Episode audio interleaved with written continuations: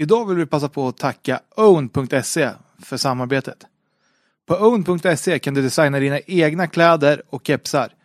Du kan även designa din egen rallybilar med flera olika modeller att välja på. Own.se O-W-N-E-D.se Där hittar ni där du kan designa dina egna grejer.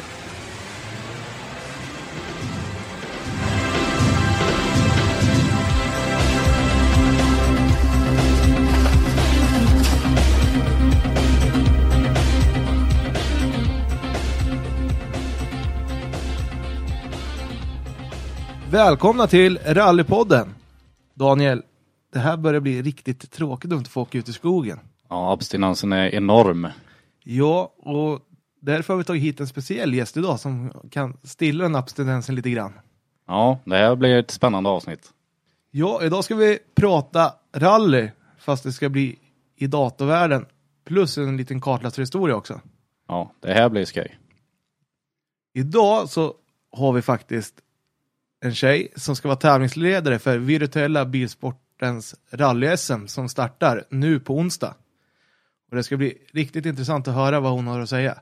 Så vi välkomnar Felicia Gruntman till Rallypodden. Tack så jättemycket, jätteroligt att vara här. Kul att du ville komma och prata om den virtuella bilsporten och även din egen rallykarriär. Ja men det är, det är jättekul som sagt och det har ju flätats ihop nu. Ehm, jag höll ju på med rally först och sen så upptäckte jag den virtuella världen av bilsporten och blev fast där. Ehm, och nu har jag väl äntligen fått alla racingtokiga eh, virtuella bilsportförare att förstå att rally, det här, det är roliga grejer. Så att eh, nu i år och med det rådande läget då ute i världen så blev det lagom att köra ett första svenskt mästerskap i rally. Jag tycker det är superbra initiativ. Vi ser ju överallt i motorsportvärlden att det bara växer och växer nu med virtuella tävlingar. Man ser Indycar åker ju nästan varje helg nu åker ju Felix liksom och Mackan race och, som streamas av flera hundratusen människor. Så det, på så sätt så är det ju riktigt kul att kunna se motorsport fast i en annan variant när man inte kan vara ute i skogen eller runt banorna runt om i Sverige. Ja men precis och det var väl det som vi tillsammans med förbundsstyrelsen eh, kände att det, vi får rida på den här vågen nu. Det är ett jättetråkigt läge och det drabbar alla oss aktiva under Svenska Bilsportförbundet. Och eh, det var, det hade varit dumt att inte ta den här chansen nu och, och framförallt både låta folk träna hemma i sina egna hem eh, inför den kommande eh, rallysäsongen. Men även för oss virtuella bilsportutövare att, att kunna ta den här chansen och bjuda in nya till våran värld. För de som inte vet vad det här virtuella rally sm är, kan du berätta lite i korthet vad, vad det går ut på och hur det kommer gå till? Ja men absolut. Ehm, det är ett rally som vi, eh, vi i tävlingsledningen då ehm, har sökt ett tillstånd för en och samma deltävling.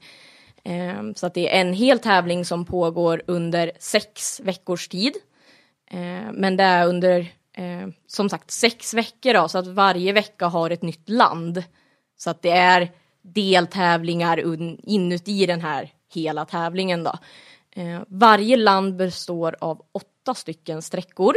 Eh, vilket är hemligt än så länge och kommer vara hemligt tills dess att eh, tävlingsdag ett öppnar.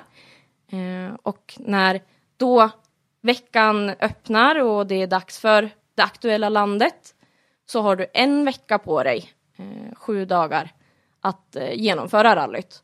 Och du väljer själv när eh, och hur du gör det då. Men du har bara en chans på dig att köra sträckorna.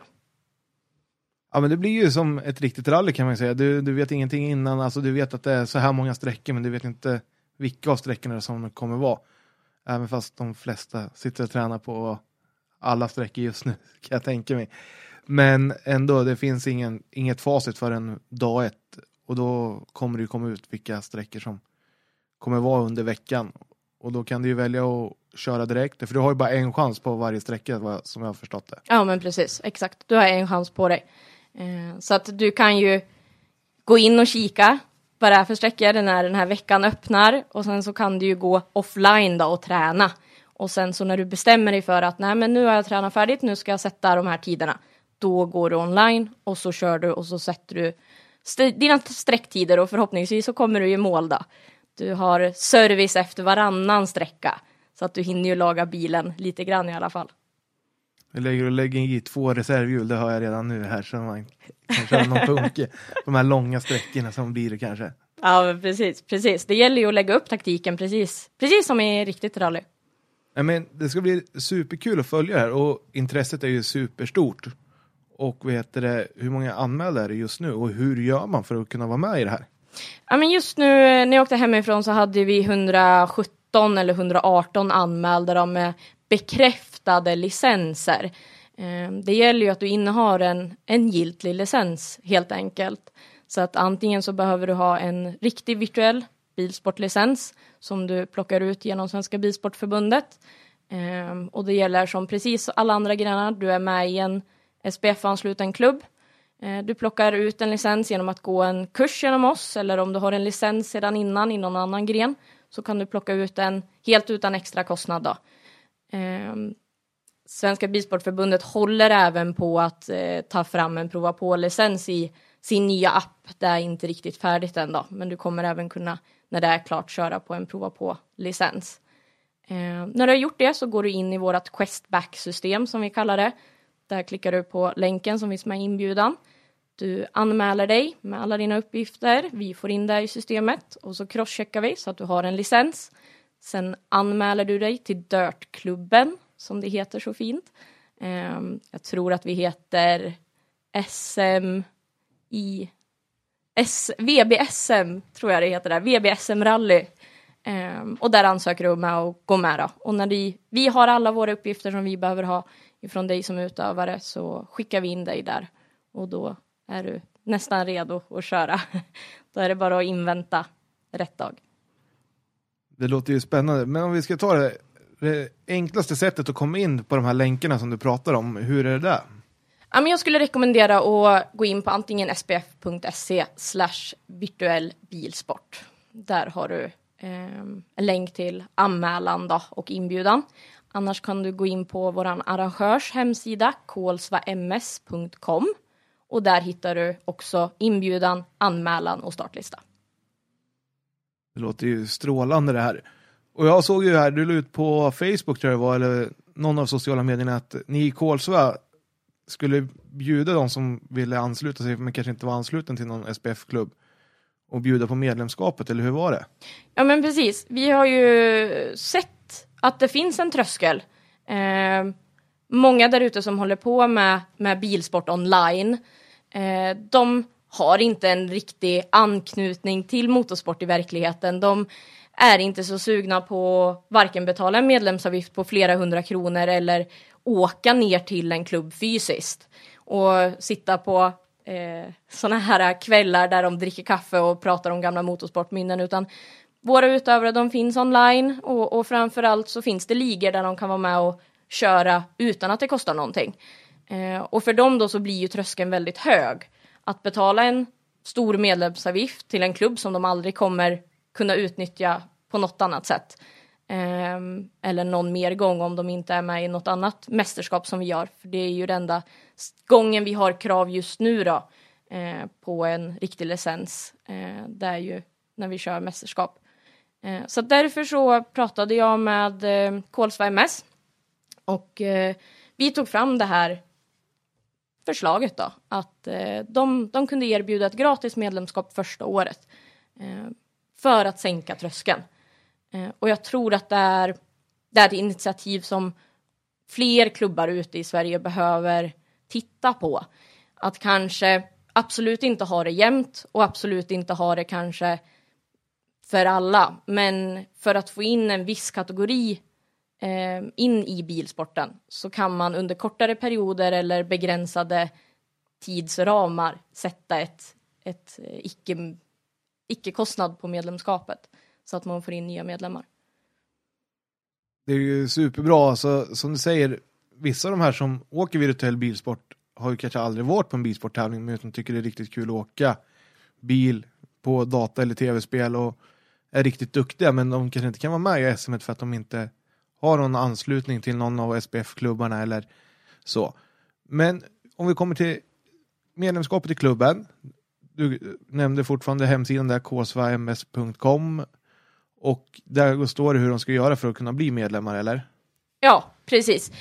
Um, det står inte hur de går tillväga, men det finns om du går in på kontakta oss så finns det för nya medlemmar så är det en mejladress där och där eh, skickar man ett mejl och där skriver man eh, mejladress, personnummer, namn och att man ska delta i det här virtuella bilsport eh, SM. Och då hjälper en kille som heter Stefan eh, den personen att bli medlem. Och är det några mer frågor sen hur man plockar ut den virtuella bilsportlicensen eller vill prata eh, andra saker som kanske är otydliga så är de mer än välkomna att, höra av sig till mig då. Jag tänker vi kanske kan ta det här. Alltså den, Svensk Bilsport har ju gjort en app nu som heter Svensk Bilsport, passande nog. Ja. Där ligger ju licenserna. Men du måste ju bli inlagd i LOTS, alltså själva medlemsregistret för Svensk Bilsport. Och när du väl har fått det så kan du logga in i appen och se vilka licenser du har. Men vad kostar en virtuell eh, licens? För den kostar inte lika mycket som om du skulle hålla på med någon av de andra fysiska bilsporterna om man säger. Nej men precis. Våran licens kostar 100 kronor. Den är lägst av alla licenser under Svenska Bilsportförbundet och den är även lägre än eh, prova på-licensen. Så att det, det är den lägsta tröskeln som finns in i Svenska Bilsportförbundet då, och det är ju våran vision att vi ska vara den enkla vägen in för den som är intresserad av motorsport eller eh, virtuell bilsport eh, men som tycker att det är lite för hög tröskel att börja med drifting eller börja med rallycross eller crosskart. Det är lite för mycket pengar, det är lite för stor tröskel in och man kanske inte hittar direkt in till en klubb. Eh, så att vi har satt våran, eh, våran peng på 100 kronor. Det är riktigt bra och vi kommer ju säkert se flera som kommer nappa på det här hoppas jag verkligen. Och att hur går man tillväga om man säger att vi är fler i familjen som vill spela men vi har bara en konsol, går det att göra på något sätt för att lösa det? Ja men det gör. Ni måste dock ha flera stycken konton i Dirt Rally 2.0 så att om ni har ett spel sedan innan så behöver ni köpa ett till. Eh, det går inte att registrera två stycken förare på samma eh, RaceNet-ID då, som det heter. Så att eh, det går att köra från samma konsol eller dator. Eh, konsol så är det ju Xbox och PS4. Eh, men man behöver ha flera stycken spel. Så där ser man, men du, kan, du kanske kan låna om kompisen inte ska köra så kanske du kan fråga, men du det ligger ju så här race i det i, i din förpackning. Kan, ju få, kan man ju få låna där kanske om man vill ha en ännu enklare väg än att man behöver köpa ett spel, då behöver du bara låna koden kanske. Absolut, det funkar hur bra som helst. Men superkul, alltså hur, hur många är ni som jobbar med det här nu? Det här mästerskapet som ska bli av. Jag tänker du är inte själv som driver runt det nu, utan du är tävlingsledare för själva tävlingarna. Men sen har du ett gäng bakom dig och vilka är det? Och hur känner ni varandra? Eller uh, finns det något utskott för Virutelli inom Bilsportförbundet? Ja men precis. Vi, eh, jag kan ju först börja under Svenska Bilsportförbundet då, så har vi ett utskott där det är eh, jag, Felicia Grundman och så är det Erik Stranne och Niklas Falk som sitter. Ehm, och i tävlingsledningen då till det här mästerskapet så är det jag som sitter som tävlingsledare. Ehm, jag tror att Niklas Falk, nu eh, blev jag lite tveksam, men Niklas Falk sitter som eh, biträdande tävlingsledare om jag inte har helt fel. Och sen har vi en domare uppifrån Luleå som heter, nu tappar jag hans namn, jag tror att han heter Patrik. Ehm, jättegod kille, Eh, jättehärlig. Han skulle även ha varit, han skulle ha varit racecontroller uppe i Luleå då. Eh, men det blev ju flyttat då, där SM i rallycross för oss. Eh, så att jag kontaktade honom nu när vi skulle ha vårt SM online istället för rally och han var jättepå då. Eh, sen är vi inte så, så många fler. Eh, jag har några stycken bakom mig från klubben i sin tur. Eh, jag har mycket stöd ifrån P.A. Broström då, eh, våran ordförande eh, och Stefan Annala eh, som sitter med licenserna då i, i vår klubb.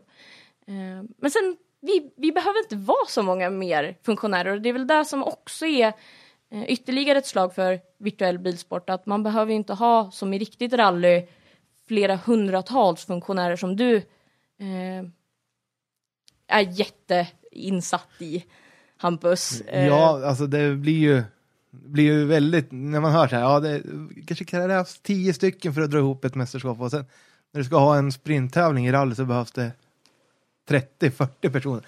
Så det, det är ju väl, verkligen en bra gren för alla att komma in i också.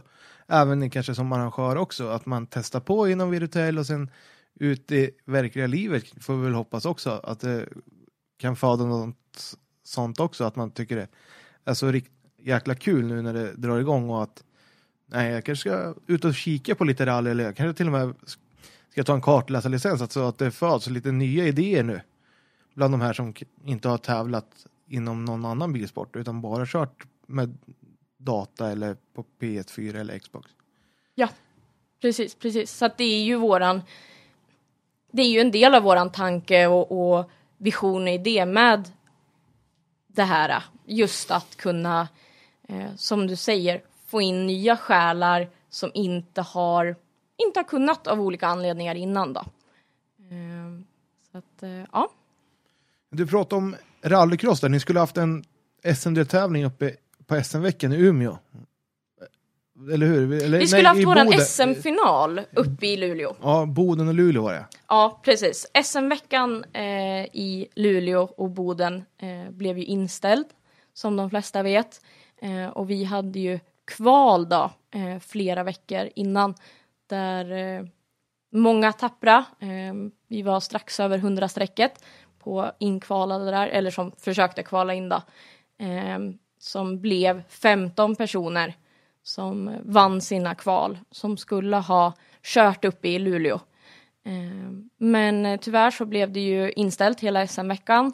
Vi har inte ställt in våran tävling utan vi har bara eh, Eh, flyttat fram den då tills vi får besked ifrån regeringen att man får arrangera saker igen eh, på plats. Eh, så att vi har 15 förare som väntar på att göra om, upp om SM-guldet i rallycross. Spännande. Och det var ju flertalet duktiga chaufförer både från rallycross Sverige och rally Sverige och från den virtuella världen också. Så det var en salig blandning som hade tagit sig vidare till finalen. Ja men det var det. Och eh, ett namn som vi kan känna igen allihopa det är ju Mattias Adielsson. Eh, som både kvalade in sig för att vara väldigt tydlig. Han var inte ett wildcard utan han kvalade sig in som alla andra till eh, SM1 där uppe. Och han står ju även på startlistan nu till vårat SM i rally då. Ja, vi får väl se om han pallar pressen nu när det ska till att avgöras. Han har ju lite konkurrens där. Det finns ju flertalet duktiga namn i anmälningslistan. Är, det några du vet från den virtuella världen som åker riktigt fort eller är det några du skulle kunna tänka dig att lyfta fram så här? Som du tror kan vara med i toppen? Oj. Det var en jättebra fråga. Inte någon sådär på rak arm. Eh, det som är lite roligt, eh, som jag har sett i anmälningslistan när jag har gått igenom den, eh, är att majoriteten är rallyförare ifrån verkligheten.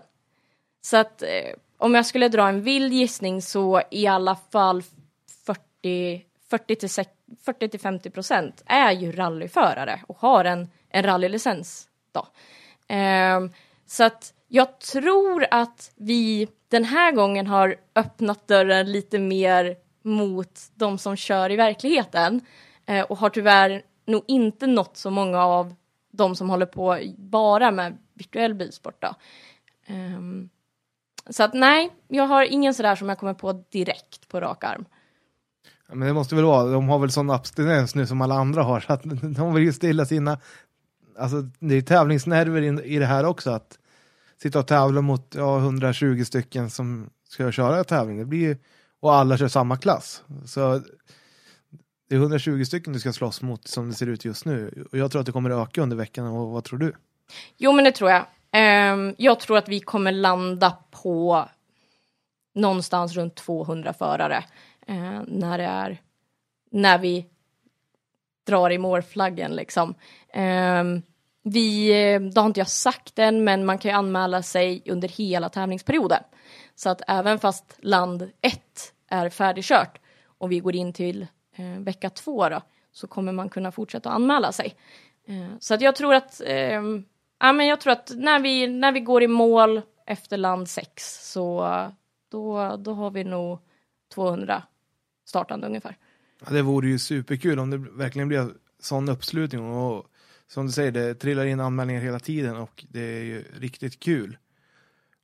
Och vet du, när vi ser som, det, som du säger, det är flera bra chaufförer med som åker rally i vanliga fall. Sen har du ju några namn som man knappt känner igen men som kommer från andra idrotter också än, än vad heter det, själva rallysporten. Det var lite rallycrossförare, med någon driftingförare och, så, och banracing. Så jag tror det har, det har samlat ihop de här som åker olika sportgrenar också till, till en gemensam grej. Så jag tror det kan bli hur kul som helst. Och trash talket är ju redan igång på sociala medier som man ser. Ja, jag har sett det. Det är lite roligt faktiskt. Men eh, nej, precis som du säger, det är, man, sänker, eh, man sänker tröskeln på fler än ett ställe eh, när man väljer, väljer att, att jobba på andra sätt än vad förbundet har gjort innan kanske. Man tänker i nya banor och som du säger, då kör helt plötsligt en driftingförare mot en rallyförare eh, i rallycross. Eller en rallycrossförare och en driftingförare slåss tillsammans med en racingförare i rally, liksom i skogen. Eh, de behöver inte äga tre olika bilar för att kunna tävla mot varandra. De kan tävla mot varandra ändå. Och ja, det är väl lite vad vi vad det handlar om för oss, att, att sänka de här trösklarna, eh, försöka komma närmare varandra. Vi tycker ju om samma grejer allihopa, det är bara att vi har valt olika typer av underlag och olika typer av bilar liksom. Jag kommer att tänka på en grej, vi som är publik, hur ser vi tävlingen så att säga? Finns det någon livelänk man kan se när folk kör eller läggs det upp någonstans? Tyvärr, eftersom att det här är rally, så har vi ingen chans att livestreama det, vi som arrangör. Ehm, jag vet att det är flera stycken förare som kommer livestreama sina eh, körningar. Då.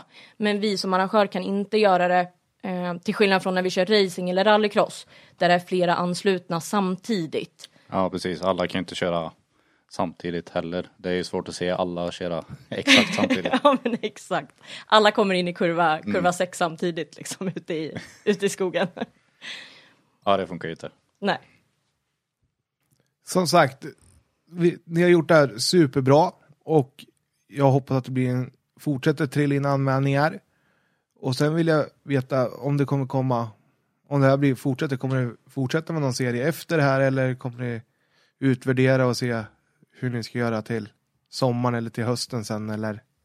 Ja men det som står på turnäst, vi, vi har ju som sagt eh, rallycrossen eh, för i år, eh, just kvalen och så, där är det ju färdigt. Vi har ju 15 stycken finalister som, som ska få göra upp. Eh, så att rallycross delen, den är ju uppskjuten och den är ju färdig med vilka som ska få köra.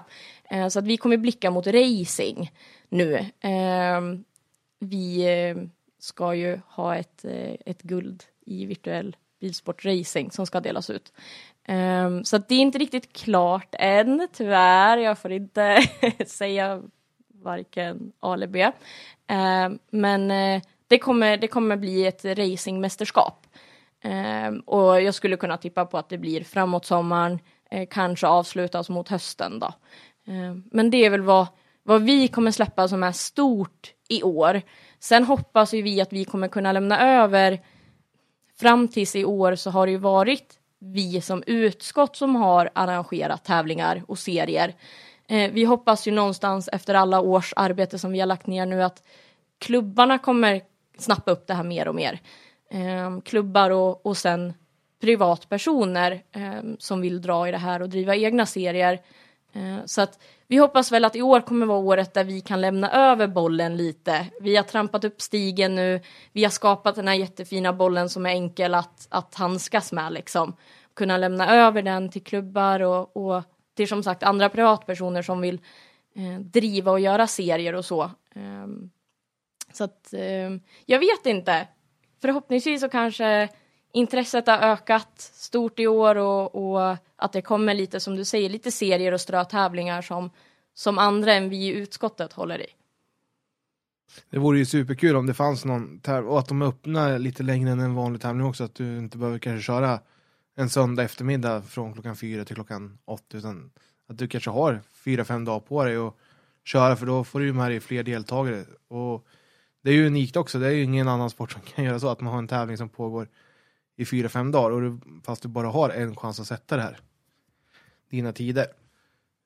Och sen tänkte jag på, nu när vi, om vi återvänder till det virtuella rally Kan du berätta vilka länder det kommer vara och vilken bilklasser? För det har vi inte pratat om. Oh, länderna har jag inte i huvudet. Jag vet att jag står som tävlingsledare, men jag har haft lite andra uppgifter än att ta fram länderna. Eh, så de har jag tyvärr inte i huvudet. Eh, vi kommer köra klassen R5. Ja, det är ju de modernaste bilarna ni använder er av alltså. Så då vet man ju det i alla fall. Och sen tror jag att det var, nu ska jag se om jag kommer ihåg, jag har ju faktiskt anmält mig till det här.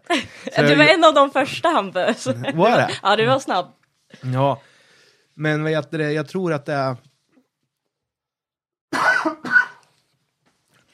någon, de nya, alltså de länderna som kom i första paketet som Dirt 2.0 släppte. Så det är väl typ Nya Zeeland, Argentina, Australien, Spanien, USA och Sverige tror jag. Ja men precis, Sverige är ju det enda landet som är så kallat DLC, eh, Downloaded Content, tror jag att förkortningen står för. Eh, och det är ju då någonting du får köpa till spelet. Eh, vi har dock valt att lägga in, eh, precis som i vanliga serier i verkligheten, så eh, kan man plocka bort en deltävling man väljer själv då eh, vilken deltävling man väljer att plocka bort. Så att är det någon som inte vill lägga de här, jag tror att det kostar 35 kronor att köpa till Sverige, eh, så kan man välja att, att plocka bort just den deltävlingen då. Och det är ju jättebra att du säger att man får plocka bort den. För om du missar nu starten första veckan här så kan du ju hoppa in och fortfarande vara med och slåss om du, om du bara presterar de andra tävlingarna. Så har du fortfarande chansen om du har missat en tävling. Ja men precis, och det var väl, det var väl tanken liksom med det här att vi ska, vi ska kunna, vi ska bredda oss så mycket som möjligt, det ska passa så många som möjligt. Är det så att du ligger borta och jobbar en vecka till exempel, du har inte tillgång till din simulator eh, och kunna köra, ja men då ska du kunna räkna bort den deltävlingen som du inte har kört. Superbra! Och jag tycker att det här ska bli riktigt intressant och vi får väl hoppas att det är fler som lägger upp och livestreamar sina, sina sträckor så som, sådana som Daniel kan ut och titta på, på internet. Och, En annan grej jag satt och tänkte på, jag har ju sett lite klipp på när folk har kört och sådär. Vem är banchef, tänker jag? Vissa svängar är ju inte bannade som de är i verkligheten. Ja. Eller pilade eller varnade. ja, du, det var Vissa bra. är ju Vi, riktigt fula alltså. ja, precis. vi skickar den frågan vidare till Codemasters. De får titta på det där. Hur kommer det vara med, för man ser ju ibland att vissa har ju så här extrema tider som man inte kan åka på och man genar. Är det, finns det någon bestraffnings... Ja, men det, där, det där är en, jätte, en jätterelevant fråga. Och där eh, då berör vi helt plötsligt den här jätteunderbara domaren som jag har fått tag på, Patrik ifrån Luleå. Um, är det så att vi i tävlingsledningen ser att, ja men fan de här tiderna, de, nej, nej, det skiljer alldeles för mycket. Eller den här personen i tidigare länder har, har legat bakom så här och så här mycket från, från topp tre liksom. Och så helt plötsligt så är han topp ett. Uh, och har slagit ledaren i de andra länderna med 15 sekunder liksom. Eh, då har vi all rätt att eh, begära ut eh, filmmaterial då. Men eftersom att vi har tillåtit eh, alla plattformar och man kan ju inte, eh, det finns inga bra eh, verktyg att filma liksom content i PS4 eller Xbox utan det är bara i PC som du kan filma medan du kör så att säga. Så har vi valt att eh, vi kan begära ut i förväg så att om vi misstänker, ja men den här eh, Karlsson Karlsson liksom, han, eh, nej det, det är något som inte stämmer. Då eh, pratar vi ihop oss med domaren och sen får han titta på det där och sen så får han ta ett beslut. Och tar han ett beslut då att, ja men eh, nej det här får vi gå vidare med. Då begär han den här föraren att, eh, eller till exempel att vi begär alla förare att nästkommande rallysträcka 3 då ska ni filma. Ni ska ställa en mobiltelefon eller eh, ni ska ställa en webbkamera eller vad som helst och så ska ni filma när ni kör den här sträckan. och så skickar ni in det till oss. Eh, och då ser vi ju ganska fort då om det är någon som, eh, för att vi, vi vet ju vilka ställen det går att gina på. Eh, eller fulköra. Så att eh, på så sätt kommer vi, kommer vi jobba med det då. Ja men det är ju superbra, för man, ibland blir man ju lite less när man ser någon som har åkt så här, ja, Man vet hur fort grabbarna som åker som snabbast åker. Och så ser man någon som man inte har sett för som är 7-8 sekunder före, man bara, "Åh, det här är något som inte stämmer. Mm. Så det är ju skönt att det finns någonting att backa tillbaka på, att det finns ett regelverk som kan göra att du blir utesluten eller diskad från tävlingen också, så det är ju superbra. Precis, precis. Så att eh, i förväg där kan man ju, eh, om man i alla fall sitter på en, en eh, PC då, är det så att man vet med sig, ja men man är, man är snabb, man är riktigt snabb liksom. Så att eh, filma alla sträckor. Sätt in programmet, gör så att när du startar, iväg, startar igång sträckan och du åker iväg i din R5, starta igång programmet. Då har du allting ligger i en fil sen. Så att skulle det vara några frågetecken så kan du bara skicka in det liksom. Då har man ju både hängslen och livrem liksom. Det är ju perfekt. Bra att du säger det här. Och det här kommer ju ut dag två då, sen mästerskapet. Det här kommer ju ut på torsdag. Så då har det ju varit en dag. Så, men jag tror inte så många kommer åka i början av veckan. Alla kommer försöka vänta så länge som möjligt. För man ska få några träningskilometer på sträckorna och så. Men eh, superkul att vi kunde prata om det här. Och jag håller alla tummar för er, för er och att ni kommer få det här att skjuta i höjden och att det verkligen uppskattas av alla deltagare. Och vi i Rallypodden har ju valt att vara med lite grann och hjälpa till med lite priser, men en, några kepsar, eller en, en keps och lite dekaler och sånt som, kommer, som ni kommer få välja ut vilk, vem som ska få det. Så det är vårt sätt att visa att vi tycker det här är en bra idé och hjälpa er Ja, men ha lite precis. priser. Precis, och vi är jättetacksamma för de priserna och vi har även eh, lite andra priser eh, som jag kan eh, alla priser är inte riktigt officiella än. Jag kan lova att det är ett eh, riktigt saftigt prisbord som vi har fått fram genom samarbetspartners. Eh, men vi har, eh, bland annat så har vi priser från Inet, eh, Simrig, eh, Swedish Rig Designs, Fanatec har gått in. Eh, Aros Sportmedia har gått in med priser. Eh, vi har även priser genom landslaget eh, som finns under Svenska Bilsportförbundet så att där kan man bara gissa vad det kommer innehålla. Eh, så att, eh, ett riktigt fint prisbord och som sagt ni är ju en stor del av det här prisbordet och vi kommer eh, offentliggöra det här i början på nästa vecka. Det blir väl några dagar efter det här, eller innan det här avsnittet släpps. Så att när det här avsnittet har släppts så, så är allt, eh, finns prisbordet klart då. Då kan vi avslöja att den som vinner hela svenska mästerskapet kommer ha ett eget avsnitt också efter säsongen som jag har pratat med Erik om. Ja men precis, så det är väl, det är väl värt en applåd tycker jag. Det, det är värt en applåd. Så får vi se, då ska vi prata virtuell bilsport, får vi se hur, hur bra vi är på det. Säger. ja, men precis. Ja, det blir roligt, det ska bli spännande att se. Och jag sitter där lite, lika tyst som vanligt då. Men du ska ju följa det slaviskt nu. Ja, oh ja. Ja, precis. ja, det är riktigt kul att se hur eh, bra vissa kan köra. Man har ju testat lite men ja, man behöver vara ett riktigt huvud för att hålla ner eh, adrenalin och allt möjligt som innebär. Ja, jag har fasa för det här, för jag vet ju hur, alltså när jag blir lite arg, när jag vet att jag är så här, 20 sekunder efter på SS1 så kommer jag åka av på SS2 för jag kommer inte kunna hålla mig för jag blir så förbannad. Så. Men vi tackar Felicia för all information om det virtuella mästerskapet och går över till din rallykarriär som kartläsare. Du har ju även hållit på med det och återupptagit det, så vi går in på den biten nu istället. Ja men precis. Ehm, och eh, det är väl, eh, jag skulle säga att det är eh, tio år snart som jag har hållit på. Så att det, har blivit, det har blivit några år. Jag satt och tänkte nu, efter jag fick förfrågan om dig att vara med i podden så tänkte jag herregud, nu måste jag, nu måste jag sitta och sammanfatta här. och, och jag eh, tänkte först att ja, men det är ju ett par år, det kan inte vara så mycket men det, det rullar på fort och helt plötsligt har man kommit upp i liksom nästan tio år man har hållit på. Um, så att eh, jag tänkte att jag, jag tar väl från början. Så får ni hänga med. Ja men det tycker jag låter strålande. Jag har lite koll och gjort min research lite grann sådär.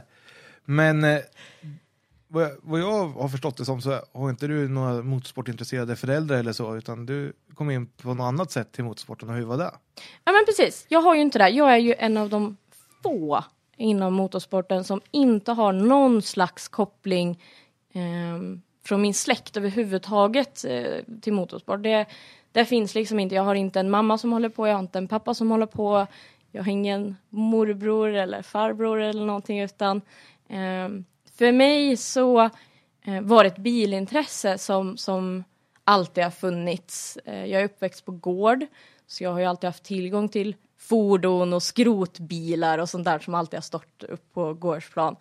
Eh, och eh, där föddes ett bilintresse eh, som inte riktigt fick fart förrän eh, jag var kring 15 år ungefär, 15-16 år. Eh, så att innan jag kom in i motorsporten och innan jag fick veta vad rally var, för det var ju rally som jag eh, började med från, från början då, så eh, visste jag faktiskt inte att motorsport existerade. Jag visste inte att man kunde tävla med bilar. Jag visste inte att man... Eh, jag visste ju att det fanns liksom bilintresserade människor och icke bilintresserade människor. Men jag hade ingen aning om att man kunde tävla med fordon liksom. Eh, och just de värderingarna eller att vara uppvuxen med den eh, liksom känslan så det har ju gjort att jag på senare tid när jag sen började jobba ideellt inom Svenska Bilsportförbundet har jobbat hårt som fasiken för att man måste träffa de här människorna också som inte har en mamma eller en pappa eller en annan släkting eller en mormor och morfar eller farmor och farfar som håller på. För att det finns faktiskt personer ute i Sverige som, som inte har någon aning överhuvudtaget. Men de, de är våra nästa liksom medaljtagare och VM-mästare eller liksom det kan vara den nästa ordförande i, i motorklubben i någon liten ort någonstans som håller på att dö ut liksom. Eh, så att det är viktigt att, att nå den här eh, eh nå den här gruppen människor då. Eh, så att jag, eh, som du sa Hampus, så hade jag inga som höll på överhuvudtaget. Och jag eh, träffade en eh, pojkvän som eh, så många tjejer gör när de är 15-16. En kille från eh, eh, Malmköping då, som heter Rasmus Persson, som körde rally i en eh, 240 Wok. Han körde ungdomsrally då och jag tyckte att shit, det där var ju, det där var ju skitcoolt. Eh, och tyckte den var jättefin bilen och sådär och han han förklarade rally då för mig. Och jag kommer ihåg en grej så väl för att jag eh, han hade förklarat då liksom hur ett rally gick till när man kommer till en TK och man eh, får tidskortet påskrivet liksom sådär och så rullar man fram och man startar och så åker man iväg och går i mål och sådär. Och jag frågar, men hur många startar man samtidigt då? För en väg är ju inte så bred. Det är en bra fråga för en nybörjare. Alltså, för man kanske har sett något här, Formel 1 eller något. Kanske man har lyckats sett på något Sportnytt eller något. Och då är det alltid flera bilar som är, är igång samtidigt. Så det är en så här relevant fråga om man aldrig har varit på rally. Det var en jätterelevant fråga och han kollade så konstigt på mig. Jag tror att min ex-svärfar var, var med då också. Han kollade lika konstigt, eh, gjorde han. Och jag, och jag liksom, och han, nej men man åker ju en och en. Och jag, hur, hur fan då? hur fan går det här till? Jo, men man startar en och en och så åker man snabbast från punkt A till punkt B. Jaha, liksom, shit, okej. Okay. Så att ehm, ehm, eh, jag... Eh, 2011 då var året när jag var ute och tittade på rally första gången. Ehm, eh, jag, samma år eh, så insjuknade jag i bipolär sjukdom. Och jag blev även anorektiker. Um, och det... Jag visste ju inte det då. Jag visste ju inte att jag insjuknade i bipolär sjukdom. Jag hade ingen aning om det överhuvudtaget. Eh, jag visste dock att jag halvt eh, blev anorektisk då. Ehm, så det, det höll jag väl på och jobbade lite medvetet med sådär. Men just bipolära delen, det, det hade jag ingen aning om. Men det var året när jag insjuknade då. Så det var både positiva och negativa saker som, som hände det året. Men nu kom du till säga att du fick så blodad tand så du tog en licens för det första. Alltså, jag träffade en pojkvän som höll på, ja, det är många, men det är inte så många som tar steget att ta en kartläsarlicens. Var det så att han frågade om du vill åka med eller hur kom du in på att ta en licens? Nej men det var det verkligen inte. Utan eh, året efter, eh, 2012 då, så hade jag varit ute på ett par rallytävlingar. Jag hade framförallt varit ute och så kallat gamat. Och det tyckte jag var det var det häftigaste jag varit med om. Det var så coolt. Det, åh, wow. Och den här spänningen att leta upp rätt sträcka och rätt sväng och man får nästan inte säga såna här saker vet jag för det är jättekänsligt. Nej, det är ju som ett skällsord, gam. Det är ju det. Men eh, jag kom in på den delen och tyckte det var liksom jättespännande sådär. Eh, och det tog nästan ett år för mig att, att våga tala om för min pojkväns familj då, för det är ju en familjegrej. Alla håller, håller man på med motorsport så blir ju alla involverade. Så att jag tror vi satt vid en middag en dag, liksom en kväll sådär och så, och så säger jag då till Rasmus och hans föräldrar att jag vill börja åka rally. Och jag var så rädd för jag tänkte att shit, jag framförallt så hade jag varit ute och jag hade ju inte sett några tjejer. Gud, alltså en, max två som åkte kartläsare mm. kanske, men det var inga som körde. Och, och, det var ju väldigt få tjejer med ut i skogen och titta, vilket jag också hade reagerat på för att jag tyckte det var skitkul och jättehärligt med jätteengagerade människor som tyckte om samma saker som jag liksom. Så jag var jätterädd att de skulle liksom, jaha, nej men du, det, det räcker med att följa med på tävling. Eh, men jag fick inte den responsen utan de kollade och så bara, jaha, okej, okay. ja, eh, vi är ju med i Flens MS så att eh, vi skulle rekommendera att gå med där liksom. Och jag bara, jaha, hur går man tillväga nu liksom? Um, så att, uh, men 2012, um, ehm, det hände mycket det året. Det var uh, mycket för, för Rasmus, om jag inte missminner mig helt fel så var det det året eller om det var året innan som han kraschade sin ungdomsbil. Uh, så att det tog ett tag, han kraschade i en tävling i Nyköping, ganska svårt. Um, så det tog ett tag innan han fick ihop sin bil. Men när han fick ihop den så, så var det höst eh, 2012 då, och det var dags för min första tävling. Eh, jag hade inte tagit licensen eh, utan jag åkte på en så kallad prova på-licens. Eh, och när jag är eh, på tävlingen då så eh, det var en sprint eh, i Eskilstuna och jag står där och är nervös och gör mig redo för att åka med, med Rasmus då i hans 240 Wok så kommer Johan Oskarsson, en Eskilstuna-åkare som eh, är känd i rallykretsar. Och eh, han hade blivit av med sin kartläsare. Jag vet inte bakgrundshistorien, men han hade ingen kartläsare. Och han hade panik och han skulle ha en lätt förare. En riktigt lätt förare. Och, kartläsare kanske? Ja, ja fan, kartläsare. Då har du Kartläsare.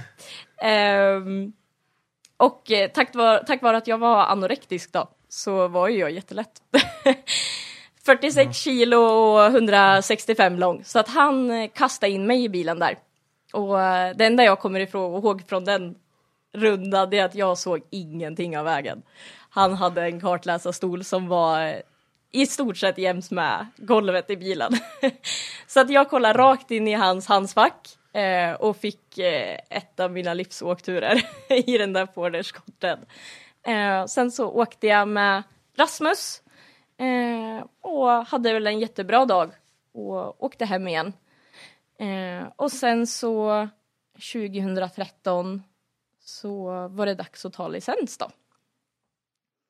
Och då när, när du skulle ta licensen, hur gick du tillväga då? Jag förstår att Rasmus och de hjälpte till med, med det de kunde, men det är ändå du som ska ta dig dit och, och sitta och lyssna där. Så hur kände du inför en sån grej? För jag tror inte du hade, hade du med dig någon, var Rasmus med eller någon annan kompis som var med dig? Jo men det hade jag. Ehm, Rasmus följde med eh, mig. Ehm, jag kommer inte riktigt ihåg nu tyvärr vart någonstans jag tog den, om det var i Katrineholm eller om det var eh, nere i Flens lokal jag gjorde det. Men jag eh, hade med mig Rasmus eh, och vi åkte på en, eh, en licenskurs då eh, för kartläsare. Eh, jag tror att jag var lite för feg för att åka själv, så det var nog därför. Eh, så att jag blev medlem i samma klubb som de var medlem i. Eh, så Flens MS är min modersklubb då. Och sen så tog jag kartläsarlicens.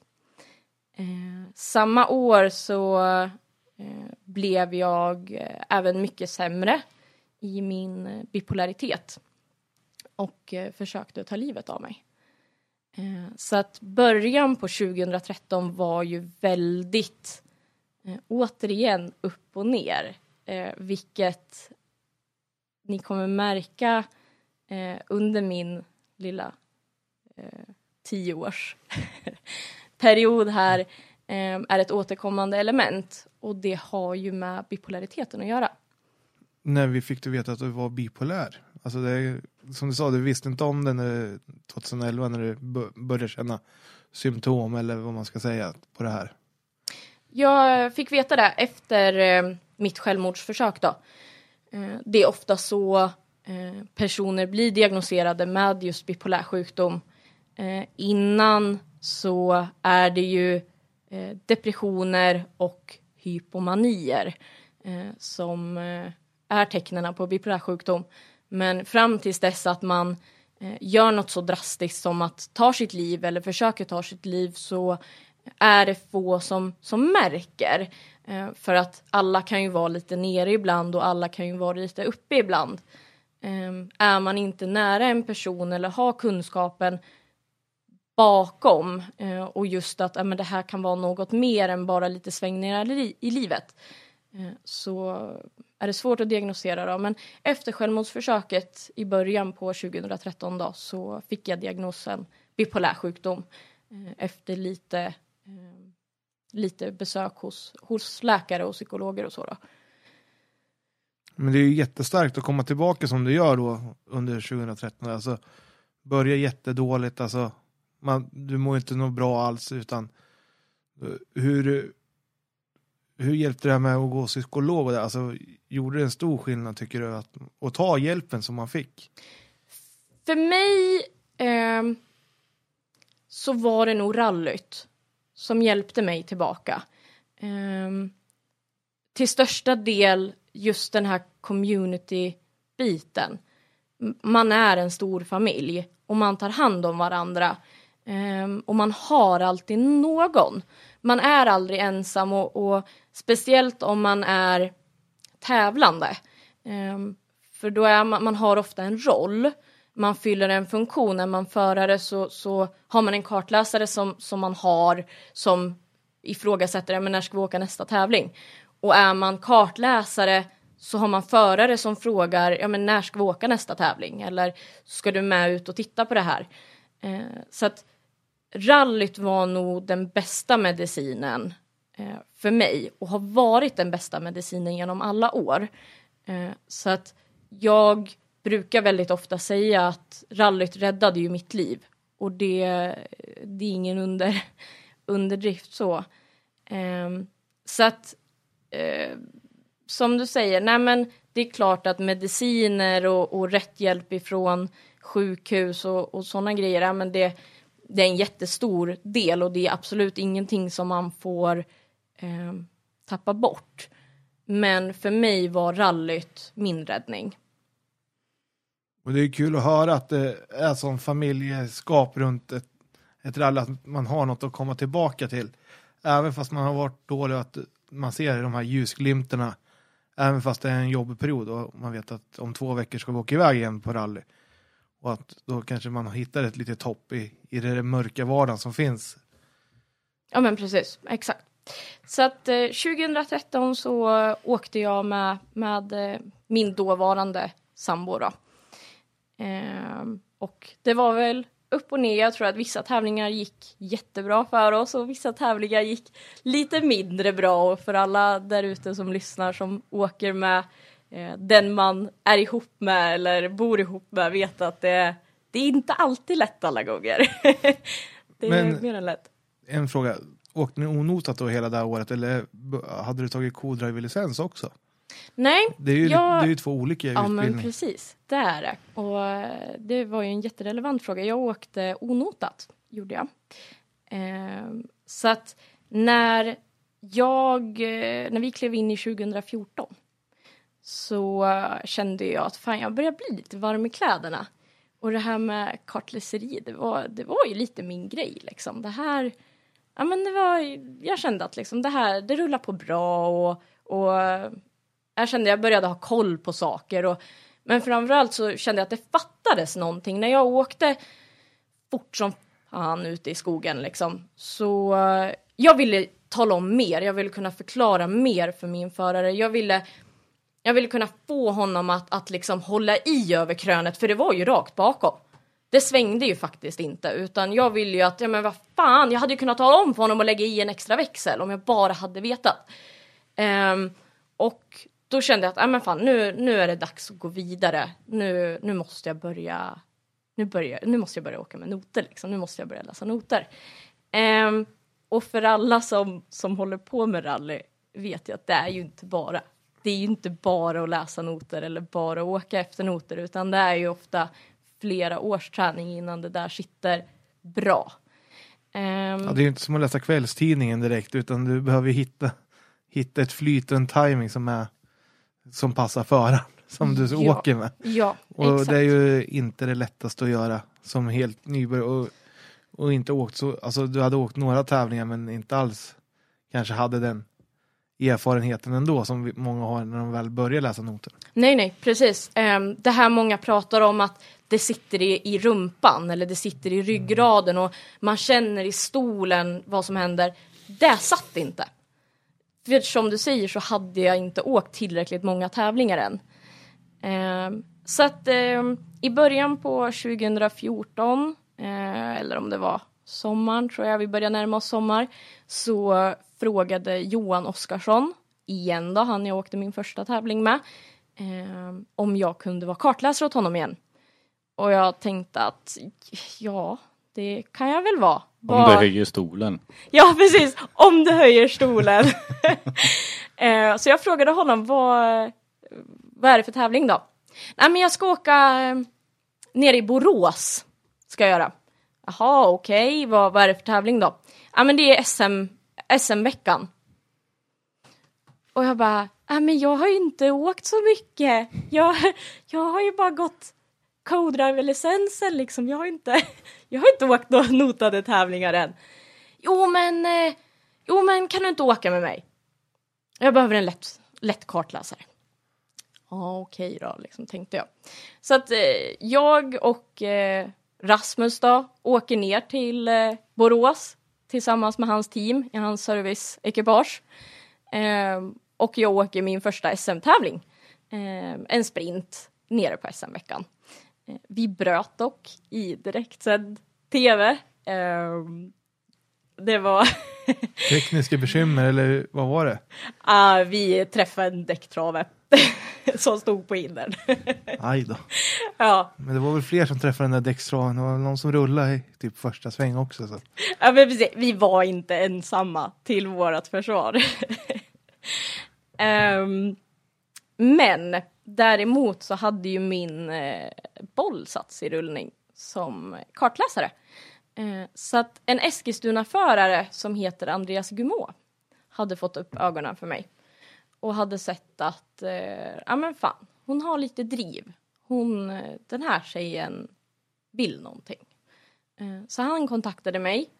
Eh, och vi pratade lite och sådär och sen så tror jag vi sågs på någon tävling och, och stod och chitchattade lite. Eh, och eh, jag började åka med honom då.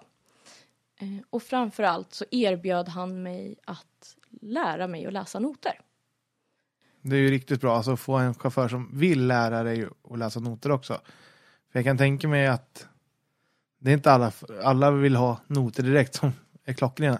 Och jag tycker det är jätteviktigt av chaufförer som tar med nybörjare att de verkligen accepterar att man är ny och vill vara med och lära ut hur de vill ha sina noter.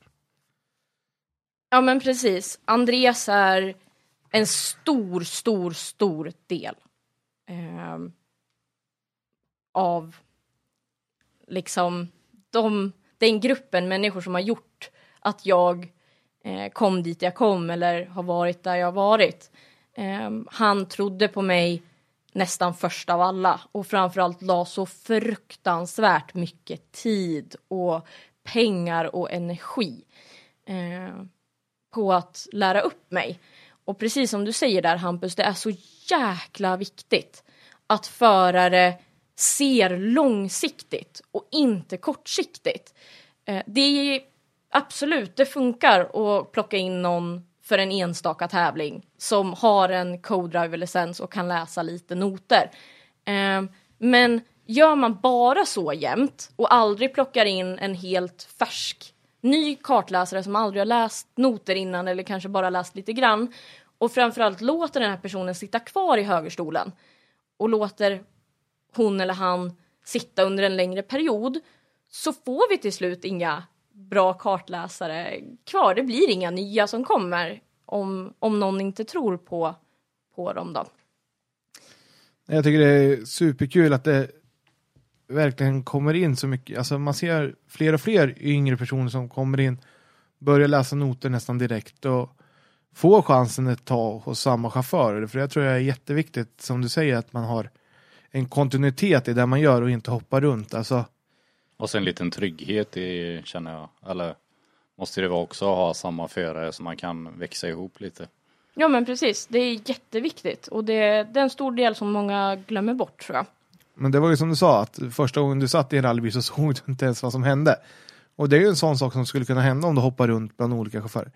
Någon har sin kartläsarstol kanon för precis dig. Så kommer du till nästa chaufför, den har den inställd efter en person som är två meter lång och, sit, och man sitter inte alls bra utan man, när man hoppar runt så blir det ju, du anpassar dig efter hur chaufförens bil är. Ja men precis, exakt. Eh, så att 2014 så åkte jag med Andreas då och bara nötte noter. Eh, när vi klev in i 2015 så eh, fick jag ett ryck för då tänkte jag att äh, men nu, nu ska jag bli förare. Jag ska börja köra. Eh, återigen för att gå tillbaka till bipolariteten så hade jag för folk som inte vet vad bipolär, bipolaritet är eh, så handlar det som jag kanske har sagt tidigare om depressioner och hypomanier. Och jag fick då en hypomani eh, och jag var väldigt uppåt och fick för mig att nu, nu ska jag bli förare. Jag ska bygga en folkracebil. Så att jag tog en av pappas Oplar som stod hemma på gården, en Astra, och rev den totalt. Och rev ur precis allting. Jag tror att jag höll på till fyra en morgon och bara rev bil. Eh, jag hade nog inte sovit på tre dagar kanske. Eh, och eh, när det kom till burbyggningen då så bara hur fan gör jag nu? det här, hur, Nu, jag måste ju ha bur i bilen för att kunna köra folkrace för fan liksom. Eh, så att jag eh, fick eh, en folkracebur i födelsedagspresent här för mig att det var av eh, mina dåvarande svärföräldrar eh, och Anders Malmström, PG Rallyimport som det hette förut då, eh, sponsrade med att bygga ihop den. Så där stod jag med en bil med bur i efter ett tag. Eh, utan folkracelicens. och på väg in i en depression. och bara, det här var nog inte vad jag skulle hålla på med ändå. jag ska nog hålla mig till, till kartläseriet liksom. Så att den där folkracebilen den blev såld. Den såldes innan, innan det ens kom ut på banan. Den såldes innan och jag tänker att det var nog tur. Jag hade nog velat sett dig med din vet du det, adrenalinet du kan få. det hade varit intressant att se. Ja, jag tror, jag tror inte det. Ja, du är nog inte ensam om att tycka det. Men det är skönt att du kan eh, se tillbaka och skratta lite åt situationen nu för även om den var allvarlig så har det ändå kommit så långt så att du mår bra nu. Ja, precis. Ehm, 2015 så fortsatte jag åka med Andreas Gumora. Um, jag hoppade in och åkte någon tävling med allas vår Johan Eriksson ifrån Ludvika i hans Saab. Um, jag fick för mig hipp som happ att sluta med mina mediciner. Gud, de kan man inte gå på. Det är dåligt. Så de kastade jag. Jag tror att jag spolade ner de sista jag hade i förpackningarna och sen så gick jag vidare med mitt liv. Um, jag började åka service i SM. Eh, för att jag tänkte att fan, nu har jag hållit på i några år. Och för de som känner mig så allt ska gå fort. Väldigt fort. Det får inte ta tid och jag har inget tålamod överhuvudtaget.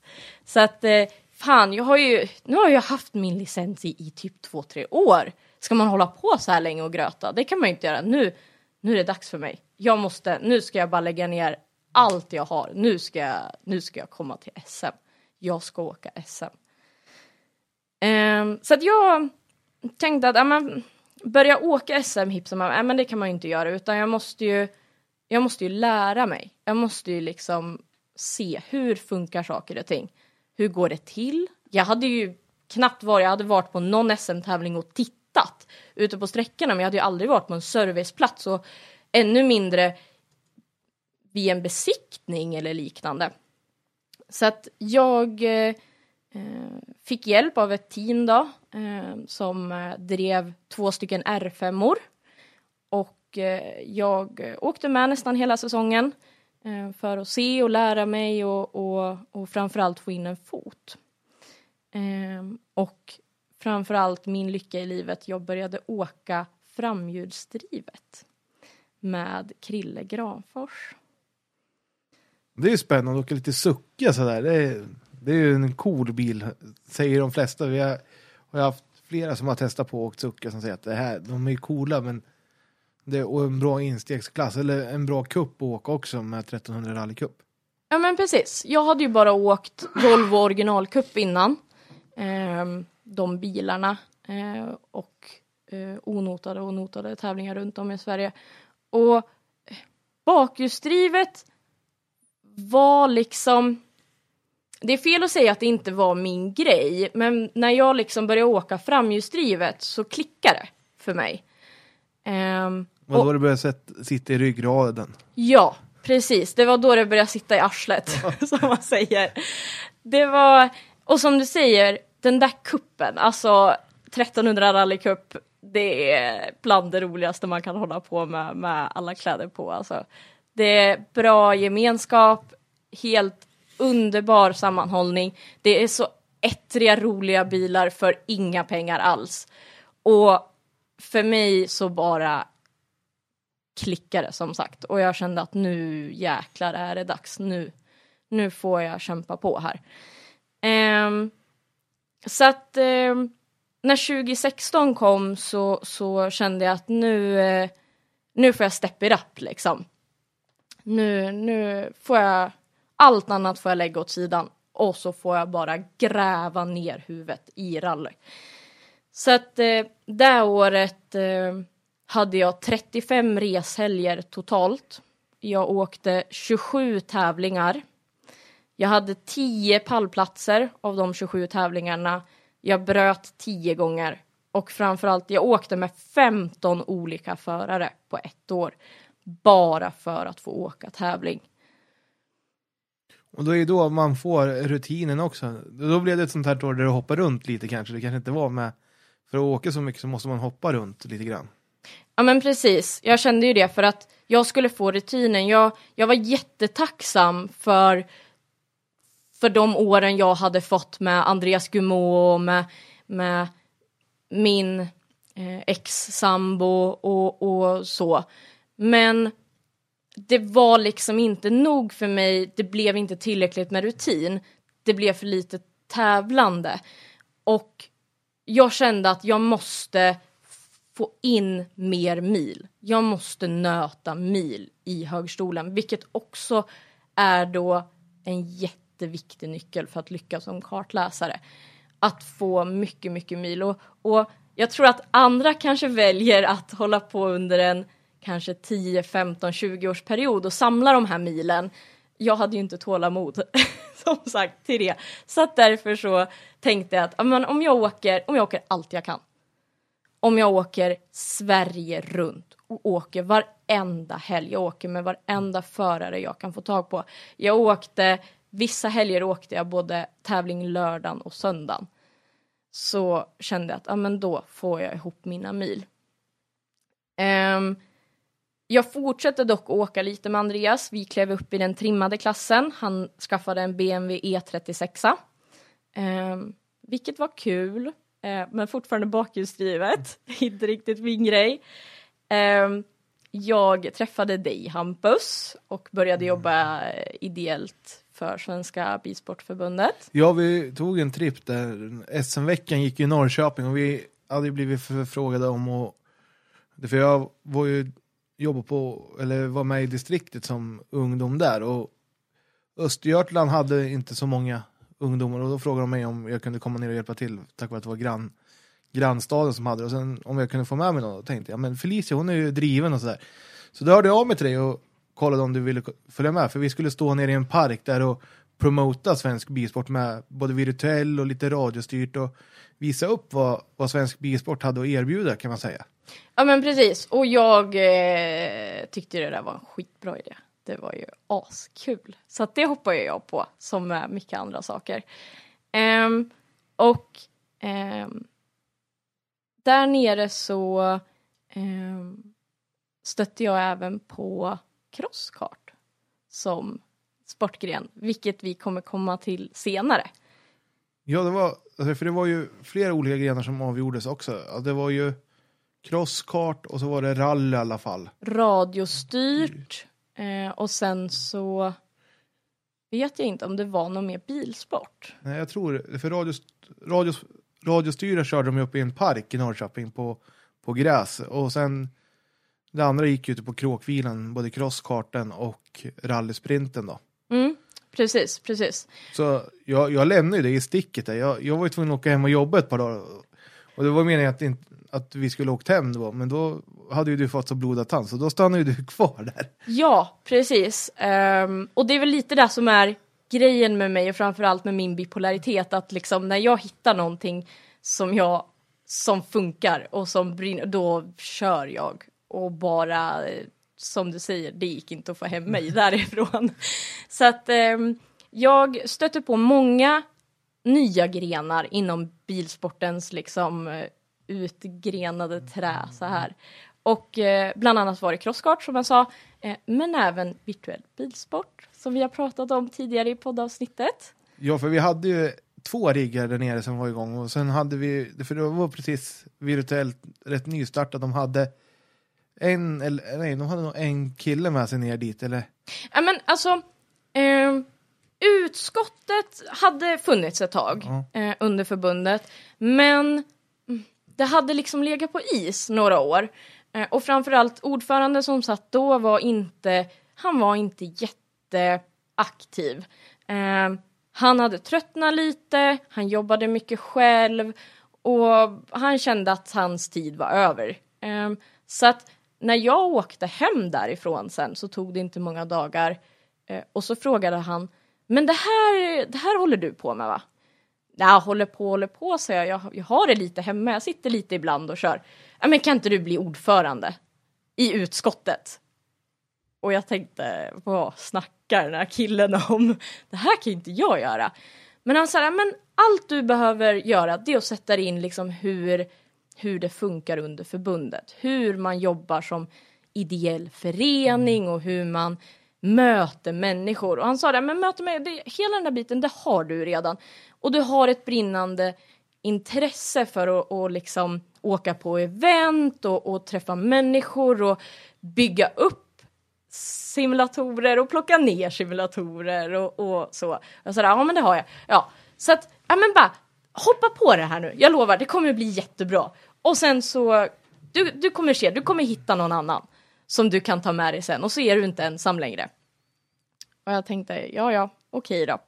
Så att eh, medans jag eh, körde liksom rally varje helg och jag hade fullt upp med, med eh, att liksom driva min, den här visionen om att åka SM. Och, och hela tiden brottas med min hemska sjukdom som ständigt plågade. Eh, antingen så var jag uppåt trippad som på droger och sov inte på flera nätter och kunde få för mig att göra i stort sett vad som helst till att jag var så deprimerad att jag inte lämnade sängen. Eh, så skulle jag kliva in och så skulle jag bli ordförande för ett utskott under Svenska Bilsportförbundet med någonting som jag egentligen aldrig hade hållit på med förut. Eh, men det sa vi ja till, för det tyckte vi var en bra idé. Ja, men det, man, man ska aldrig tveka. Så man, som du säger, man måste ta chansen när det kommer sig. Ja, men precis. Eh, men eh, senare samma år så började allt arbete som jag la ner och, och ge resultat. Eh, Andreas Sigfridsson, nere från Småland, eh, frågade mig om inte jag kunde läsa åt honom i eh, Sydsvenska rallyt. I hans Renault Twingo R2. Och då kände jag att äntligen, nu släpper det. Nu får jag resultat för allt jobb jag har lagt ner. Um, så att uh, vi gjorde den dealen att jag åkte med honom där. Uh, vi skrev egna noter, vilket var helt underbart för mig. Jag kände att shit, det här, det här var ju hundra gånger bättre än att läsa arrangörsnoter. Um, och um, han, han gjorde det som en sponsring. Han sa det liksom att ja, men jag kan sponsra dig med en overall, jag kan sponsra dig med en, med en hjälm, men jag tror ändå att den bästa sponsringen jag kan ge som företagare till dig, det är att ta dig ut i ditt första riktiga rally.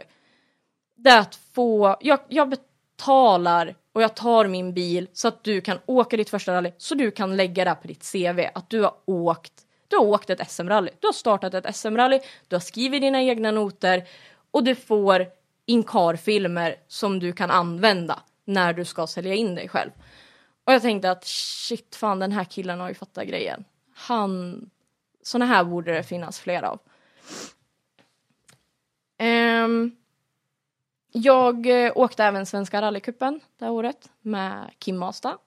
En jättehärlig norsk värmlänning som bara är eh, om, om, om, om folk som lyssnar på den här podden skulle vara inne i rummet vi sitter och spelar in i nu så skulle de se mitt Stort spaj. leende. Vi Det kan släcka lampan så lyser det här ändå sen. Ja men precis. Han är, eh, åh vilken härlig kille. Eh, riktig rallykille. Det är rally i, i personifierat liksom. Ehm, jag ehm, när, när året började gå mot sitt slut så kände jag att fan nu börjar fler och fler börja, de börjar annonsa vilka de ska åka med nästa år i SM. Det här blev jobbigt. Men du åkte fler SM-deltävlingar va? Ja, jag kommer till det. Jag kommer till det. För att eh, som Hampus säger här så, nej, fan nu, nu började stressen, det började infinna sig liksom. Ehm, så att jag eh, började leta ordentligt och hårt och eh, kommer över en kille som hette Kenneth Lodeklint uppe från Stockholm eh, som hade en Evo 6 och han var på jakt efter kartläsare till eh, SM-finalen i Uppsala. Ja. ja, det stämmer. Och sen hade du ju åkt i Sweden innan också. Med Frans i en Suzuki. Ja, precis. Det gick ju inte så bra. Ja, det blev ett hjul mindre på bilen eller vad var det som hände där? Ja, men precis. Den var, det var roligt att du den hade jag, fan, den hade jag glömt bort. Du ser, man har ju gjort sin research. Det är, det är, det är perfekt. Bara mata, mata på det. Nej men precis. Så, att, så jag hade ju liksom fått in, jag hade fått in liksom flytet, jag kände att, nej men sådär. Så att eh, jag åkte SM-finalen i Uppsala med Kenneth Lodeklint i, i 4 VD-klassen. Eh, kändes bra. Eh, vi bröt, men eh, vi, det blev ändå ett så bra samarbete så att vi, eh, vi skrev kontrakt till 2017 och skulle göra en full SM-säsong. Eh, satsning då tillsammans med Bluebeam. Spännande att få efter allt det här slitet 2016 och allt resande och alla SS-mil att kunna knyta ihop säcken så här skönt innan till och med säsongen 2017 börjar och veta att den här vintern kan jag sitta lugnt i båten och bara koncentrera mig på, på det som komma skall. Ja men precis och um, för att då komma tillbaka till det här med psykisk ohälsa så för att bara sätta saker i perspektiv jag hade alltså ett liv som gick väldigt upp och ner och för folk som var tätt i min närhet såg ju de här svängarna men människor generellt som när jag var ute och tävla och, och, och sådär och i sociala sammanhang de hade ingen aning. De, de visste ingenting. Jag hade ju alltså inte berättat för en enda människa att jag var bipolär.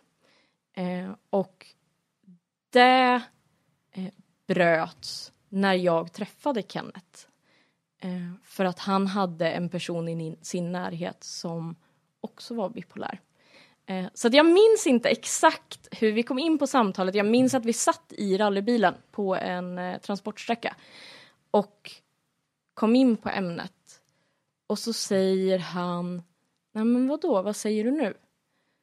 Och jag var livrädd för jag tänkte att om jag säger det här nu, om jag berättar för honom att jag är bipolär, då kommer jag aldrig mer få åka ett rally i hela mitt liv. Jag var så rädd och jag skämdes så mycket. Så jag... Men jag, jag, kände ändå att det var dags. Jag tänkte att nu, jag kan inte leva i det här längre. Jag mm. måste, det måste få ett slut. Jag måste vara ärlig. Jag kan inte, om jag ska hålla på med det här i resten av mitt liv, om jag ska nå till de målen som jag vill nå, om jag ska lyckas inom rallyt. Om jag ska få min SM-säsong som jag har jobbat så hårt. Jag kan inte fortsätta ljuga för de som ska stå mig närmast nästkommande år. Så att jag säger till honom att jo men förstår du, jag är, jag är bipolär. Jaha, vilken typ är du då? säger han. Ah, jag är typ 2. Jaha, ja ja. Ja men vad äter du för mediciner? Och så var det liksom mm. som, som minsta grejen i världen. Och då kände jag bara att... Då måste jag ha släppt en stor sten från hela kroppen om man alltså får det här bemötandet direkt. Ja men det var, den där, det där rallyekipaget blev ju 20 kilo lättare på en gång liksom. Eh, så att jag gick in i 2017 med en bra känsla. Jag tänkte att nu, jag har ett team omkring mig som jag kan lita på till 110 procent. Och det kändes så bra. Skön känsla, alltså vilken toppenstart på en säsong. Alltså att börja med att kunna släppa en sån sten från sitt samvete och komma ut som bipolär som du hade gjort då. Och verkligen, ja, nu vet alla och nu kan jag koncentrera mig verkligen på det, det jag vill göra och det jag ska göra nu måste ha känts så jäkla roligt. Ja, det var helt underbart. Det var, även fast ingen annan i depån visste, så visste ju de som var viktigast. Mina mekaniker och min förare visste. Och det räckte då. Ehm, um, 2017 började med att vi åkte upp till Sveg, allas vårt älskade Sveg, som de många rallyekipage årligen åker upp till. Um, och första kvällen vi åker test så rullar jag och Kenneth ner för en tre meter djup lavin. Ravid. I mörker va? I mörker. I mörker. Härlig start. Alltså från en bra start på säsongen. Så när man sett sig bilen så kanske inte det var den bästa starten. Nej, det var ju inte det. Så att eh, det... jag skrattar nu, det gjorde vi inte då.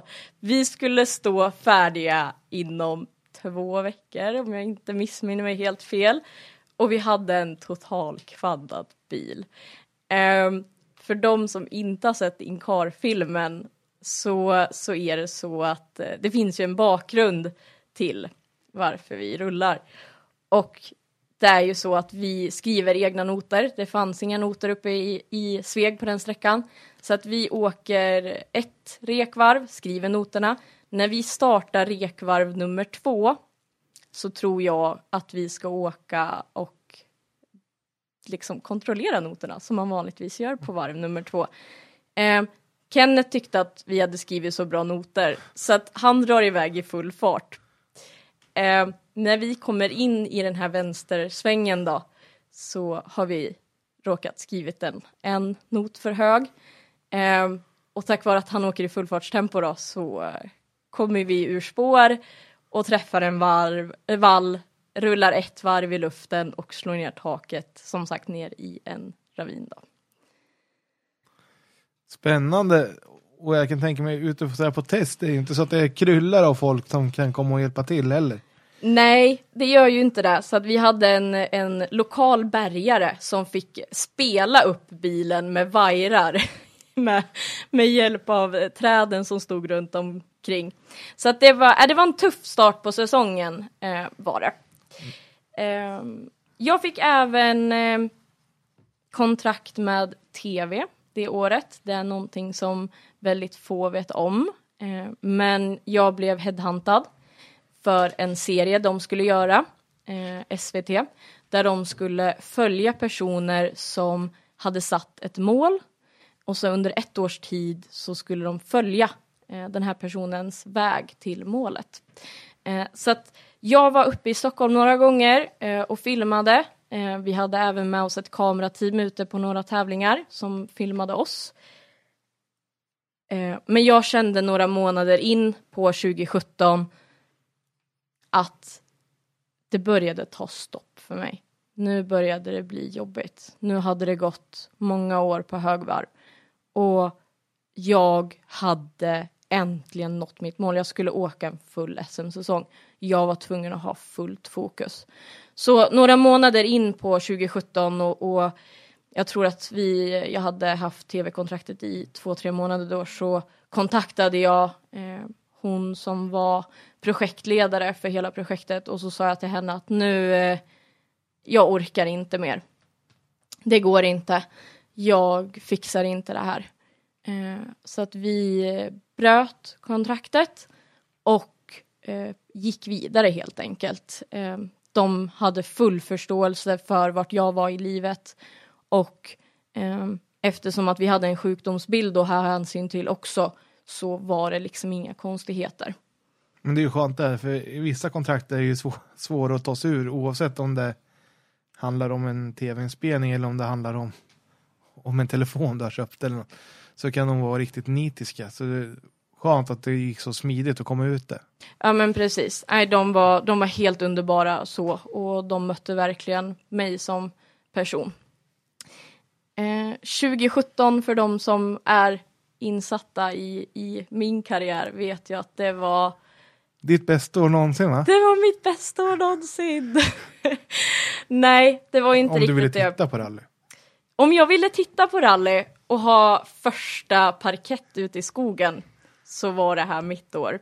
Jag åkte full SM-säsong med Kenneth Lodeklint i Evo 6 och jag åkte full Svenska rallycupen-säsong med Rasmus Karlsson i en 240 Grupp H.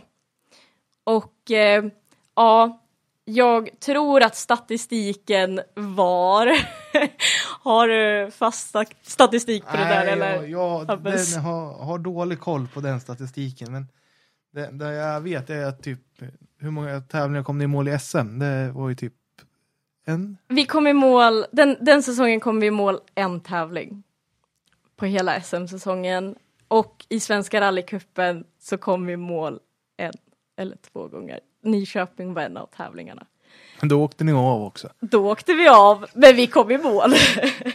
så att det var det var en jättetuff säsong. Jag tror att jag gjorde runt 20 starter och jag bröt 17 tävlingar. Och det var fruktansvärt. Det var helt hemskt att, att tacklas med de nederlagen. Det var, det, för det kändes som ett nederlag varje gång. Även fast det var tekniska bekymmer och det var problem med bilen och det var missar med motorn eller vad det nu kunde vara så så tog man det någonstans personligt. Det blev jobbigt. Det var det var otroligt psykiskt påfrestande. Ja, och det kanske inte var... Nej, du, du åkte väl någon tävling efter, men ni rullar ju sista SM-tävlingen också. Ni började året med att rulla och ni slutar året att rulla, du och Kenneth. Ja, men precis. Och um, det var just den, den rullningen i, i Linköping för SM-finalen det året gick i, i Linköping. Det var, det var otroligt eh, läskigt. Jag blev, eh, det är inte många som vet, men eh, jag blev kvar inne i bilen när den låg på tak. Jag kom inte ur och den började brinna. Och det kan inte vara jätteroligt, eller måste få en jättepanikkänsla. Ja, jag, jag nådde inte eh, för att trycka upp mig i stolen så jag fick, fick loss bältet. Och Kenneth sprang iväg med, eh, med varningstriangeln och trodde att jag hade kommit ut ur bilen. Eh, så att han var 150 meter bort ungefär när han vänder sig om. Eh, och jag ser honom genom, det var, det var så mörkt, det ösregnade och det var kolsvart, det var mörkersträcka på fredagskvällen. Och, och egentligen så ser man ingenting, men jag, på något sätt av någon anledning så ser jag hans ansikte. Jag vet inte om det kom en bil precis förbi då. Eh, vi måste ha legat i, i två minuter ungefär. Och jag tittar och jag ser hans ansikte och ser paniken i hans ansikte när han inser att jag inte har kommit ut än. Och sen så känner jag bara hur det börjar lukta bensin i bilen. Um, sen kommer inte jag ihåg så mycket. Um, jag kom tydligen ut själv. Uh, och det tog inte jättelång tid förrän sträckan var stoppad. Eh, men det tog lång tid innan räddningspersonalen var på plats.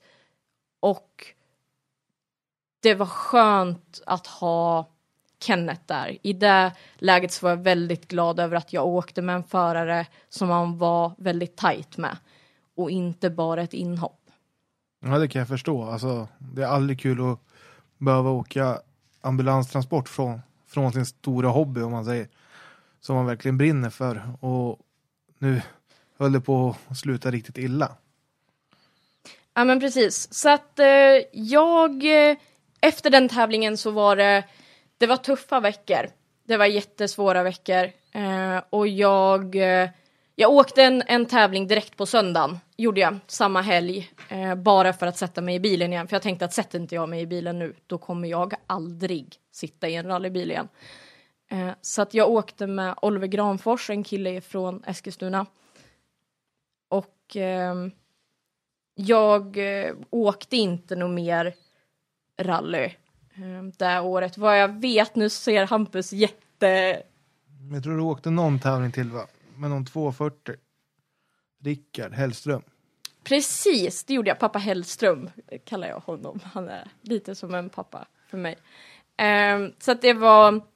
Nej, eh, det blev inget mer rally då, förutom de två tävlingarna.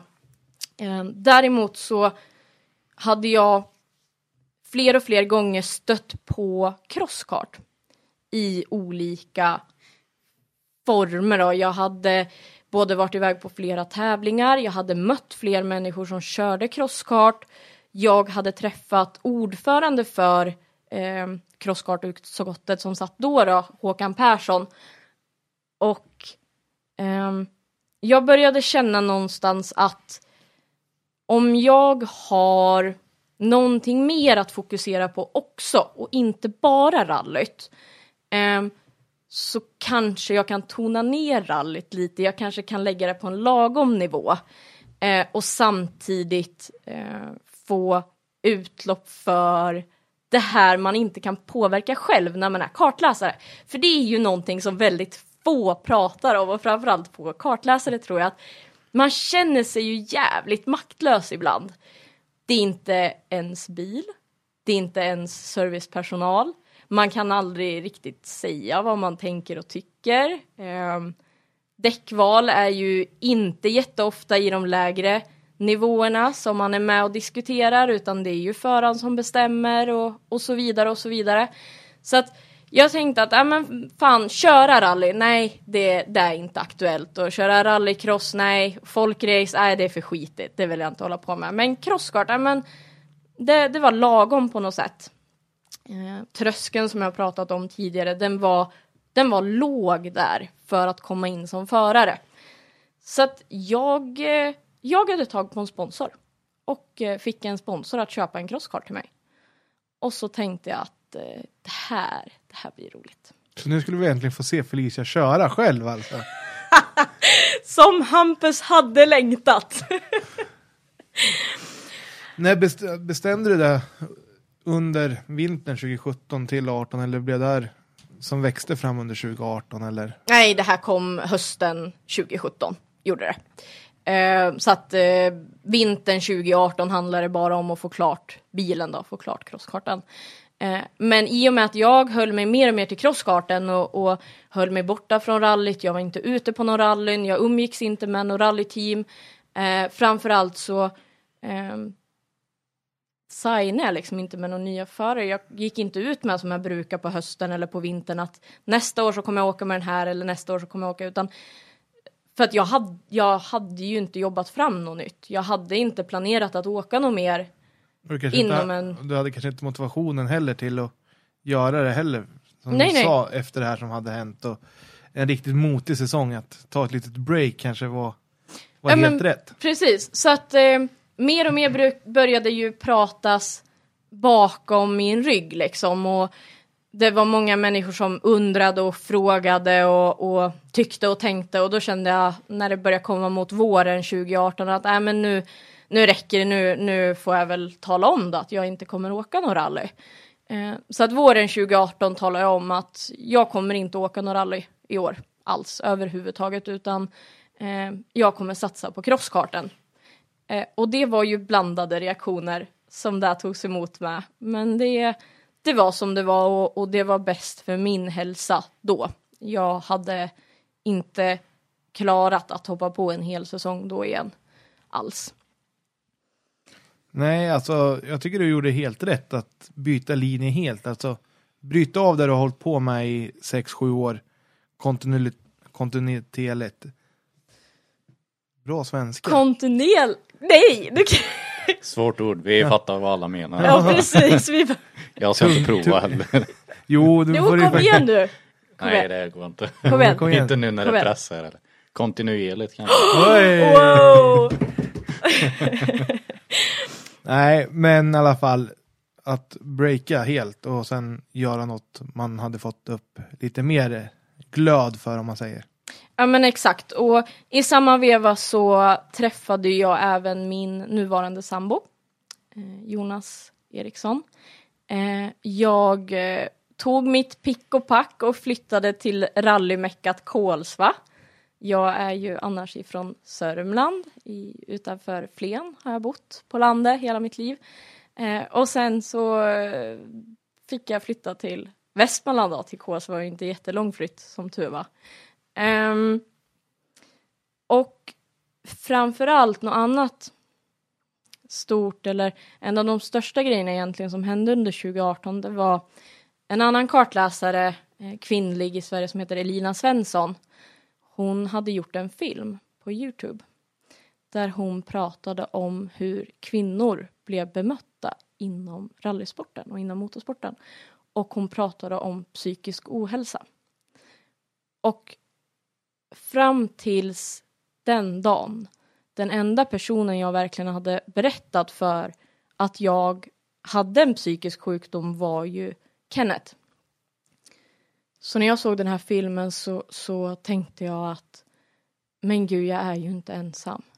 det finns ju fler och framförallt så finns det fler som pratar om det här. Det, det finns människor som pratar om det och som inte skäms och som tar fighten. Och då kände jag att, att det här är jätteviktigt och det här måste jag göra. Jag måste skita i vad folk kommer säga och vad det kommer innebära för att det här är så mycket viktigare. Eh, och bara något år tidigare så hade en kille som eh, var med i min modersklubb hade tagit livet av sig. Eh, och ingen visste någonting innan. Han, det hände bara helt plötsligt en dag så, så hade han tagit livet av sig, en, en rallykille. Då. Och jag kände verkligen då när jag såg den här filmen, jag satt med datorn framför mig i mitt knä och jag tittade på Elina och, och då tänkte jag att liksom alla har ett ansvar och framförallt om man har den styrkan att kunna prata om det och våga prata om det så är det viktigt att göra det för den personen som inte vågar göra det. För att det kan rädda liv. Det måste jag ändå känna, alltså, var en stark upplevelse när du väl ser att det är fler som vågar berätta. Då kanske det blir ännu lättare för dig att göra detsamma, tänker jag. Eller att du känner att jäklar, jag är ju inte själv om det här. Det finns flera och det måste ändå vara en känsla som är jag vet inte, du får, det är bättre att du beskriver den känslan. Hur det Nej men det var ju en lättnad. Det var en, en jättelättnad och framförallt så var det en lättnad som sen byttes ut, som jag sa, mot en, en känsla av skyldighet. Jag hade en skyldighet att bära den här fanan och liksom inte skämmas. Utan vara öppen och, och framförallt liksom, nej men hej, jag är Felicia och jag, jag är bipolär. Jaha, vad är bipolär då? Ja, men du vet, jag är deprimerad och sen är jag hypoman och sen är jag deprimerad igen. Men eh, livet fortgår. Det, det får vara som det är liksom. Um, och eh, det... uh, ja, nej, det... Jag vet inte riktigt.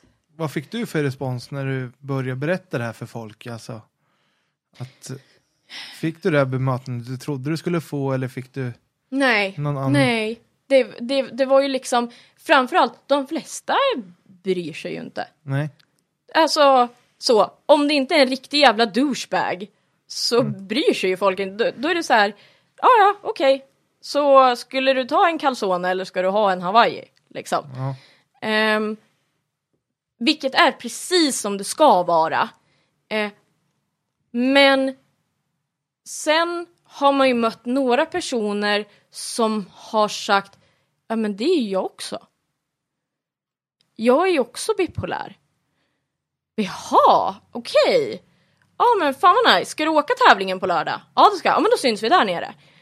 Så man har ju hittat personer som man absolut inte tror, man hade ingen aning om det. Eh, men som också har samma sjukdom och, och där har man också mött det här känslan av ensamhet. De har känt sig väldigt ensamma i det. Att eh, inte bara för att det är en skam eller att det är pinsamt utan för man pratar inte om det.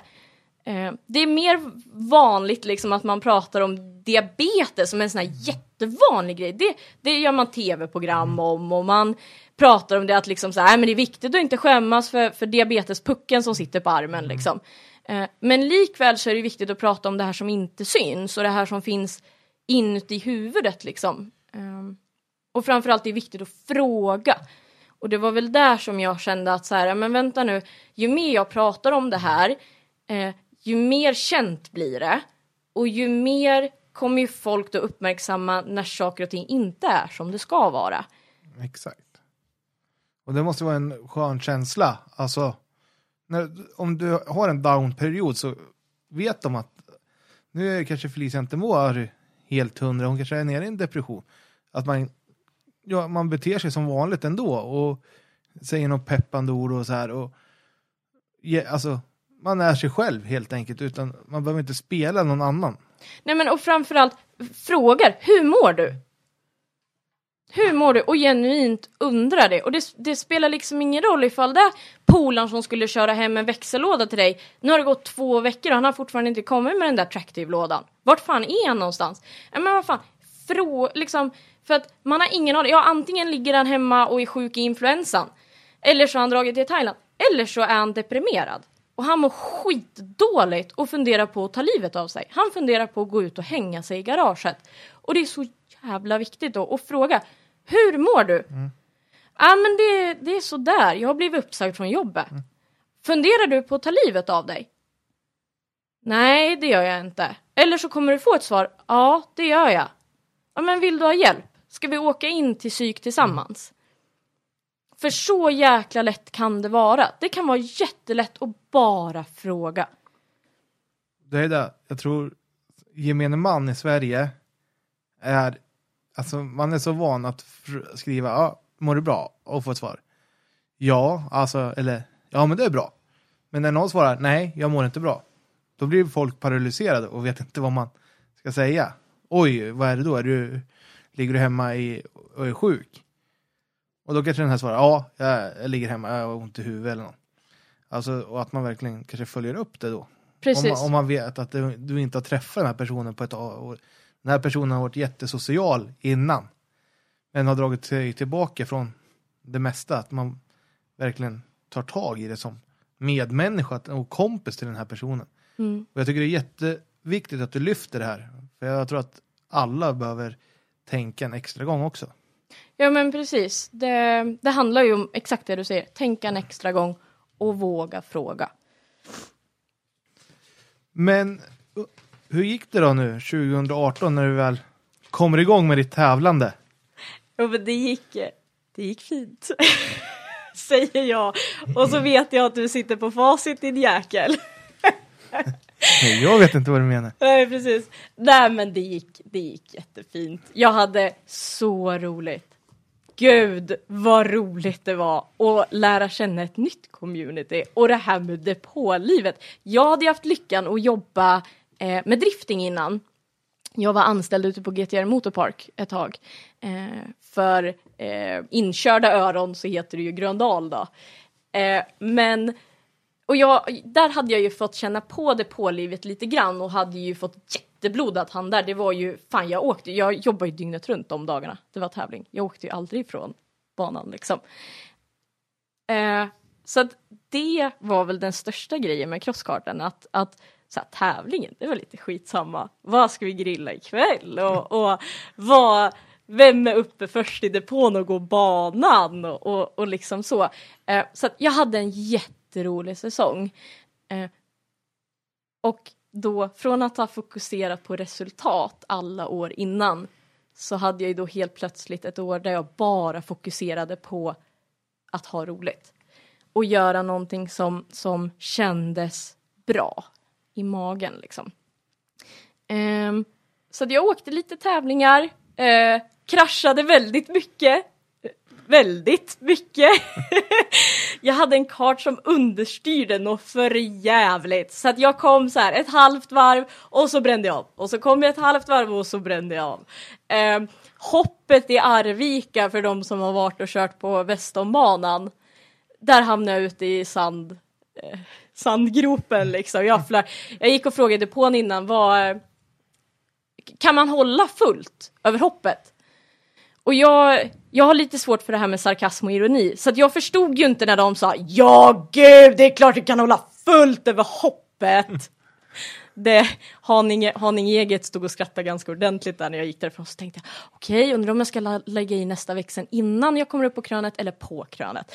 Så att jag höll ju tokfullt och så när jag kom precis upp på krönet, framhjulen precis då la jag i nästa växel bara och då det gick åt helvete. um, men jag kom tillbaka ut dag två och så körde jag nog hit då också tror jag jag tror att jag åkte alternativet tre gånger för att det var grus där så det var roligare att åka. du hör ju nivån liksom på, på mitt crosskartåkande eh, gentemot rallyt. Men eh, och sen så skulle jag ju åka Nyköping, vilket är Hampus hemmabana. ja, men jag var faktiskt inte ens där. Jag, jag, jag, Till ditt försvar liksom. jag tänkte, jag lämnar skeppet. Jag åker på rally istället. Så, så får man höra att, ja, Ja. nu har de rullat det. Undrar vem det kan vara som har rullat nu då? Och så fick man höra, ja men det var en tjej som rullade. Jaha. Va, det är inte så jävla många tjejer som kör. Ja, Felicia hette hon. Jaha. Där ser man. Det trodde jag aldrig. Nej precis, vad skulle hon ha rullat? Nej det var faktiskt synd för det var det var den tävling som gick allra bäst för mig. Nyköping är fortfarande min favoritbana. Det gick fruktansvärt bra. Eh, jag hade jättefina starter och jag hängde med bra eh, de första varven. Jag låg trea, jag låg fyra. Eh, det gick riktigt, riktigt bra. Så att jag kom upp där på, på asfaltskröne och skulle liksom lägga in den lite snyggt sådär. Och får, det kränger för mycket helt enkelt så att jag slår runt. Eh, och rullade, jag tror jag rullade sex eller sju varv upp i slänten och så tillbaka ner igen. Det var, det var mindre kul. Ja, det hade ju varit intressant att sett, eller om man får säga kul att sett. Den finns, det ska finnas en film på den, men jag har inte fått tag på den där jäkla filmen än. Så nu att- får du efterlysa den här om du... Jag ska efterlysa det. Fra- Jag vet att hon som har den heter Fransén i efternamn. Så att Emilia Fransén tror hon heter. Så att Emilia, om du hör det här. Skicka, skicka in till Rallypodden filmen så de kan lägga ut den. Det var bra så här. Och vet du det, hypa programmet med en, en, en rullning i crosskart. Det hade ju varit coolt ju. Ja men alltså, fan det är ju bara Finland man kommer upp i så många varv. På en rally, alltså kan vi bara, jag tycker att jag sätter nivån lite. Nej. Så Sen när att- du får se filmen så är det tre varv. bara jävla pin så här har jag suttit och hypa upp liksom att jag har gjort världens krasch och så nej. Ehm, så att 2018 avslutades ju ganska fort då. Ehm, jag började få lite balans i livet. Eh, som sagt, jag hade flyttat. Jag hade fått en sambo, en underbar sambo. Ehm, fått rutin i livet på livet liksom. Eh, och framförallt, jag var inte ensam. Jag, jag började bygga upp en, ett nätverk omkring mig med människor som visste mitt bästa och, och som tog hand om mig och, och sådär. Så att jag kände att, nej men fan, ett år det räckte. Nu är det dags. Nu ska jag komma tillbaka till rallyt. Eh, och i samma veva så hör en kompis ifrån den virtuella världen av sig. Som har kört mycket Live for Speed för de som vet vad det är. Jag vet att eh, drifting-communityt använder LFS mycket för att träna. Um, och vi hade känt varandra i några år. Jättehärlig kille, verkligen en av, en av de närmsta vänner som jag har. Och han säger att jag ska börja köra rally. Jag har byggt en rallybil. Och jag bara, okej. Det okej. okej. Och han bara, ja men eh, fan, jag skulle behöva en kartläsare. Och jag tänkte så här, fan du har byggt en grupp E-Saab. Det här blir inte lätt.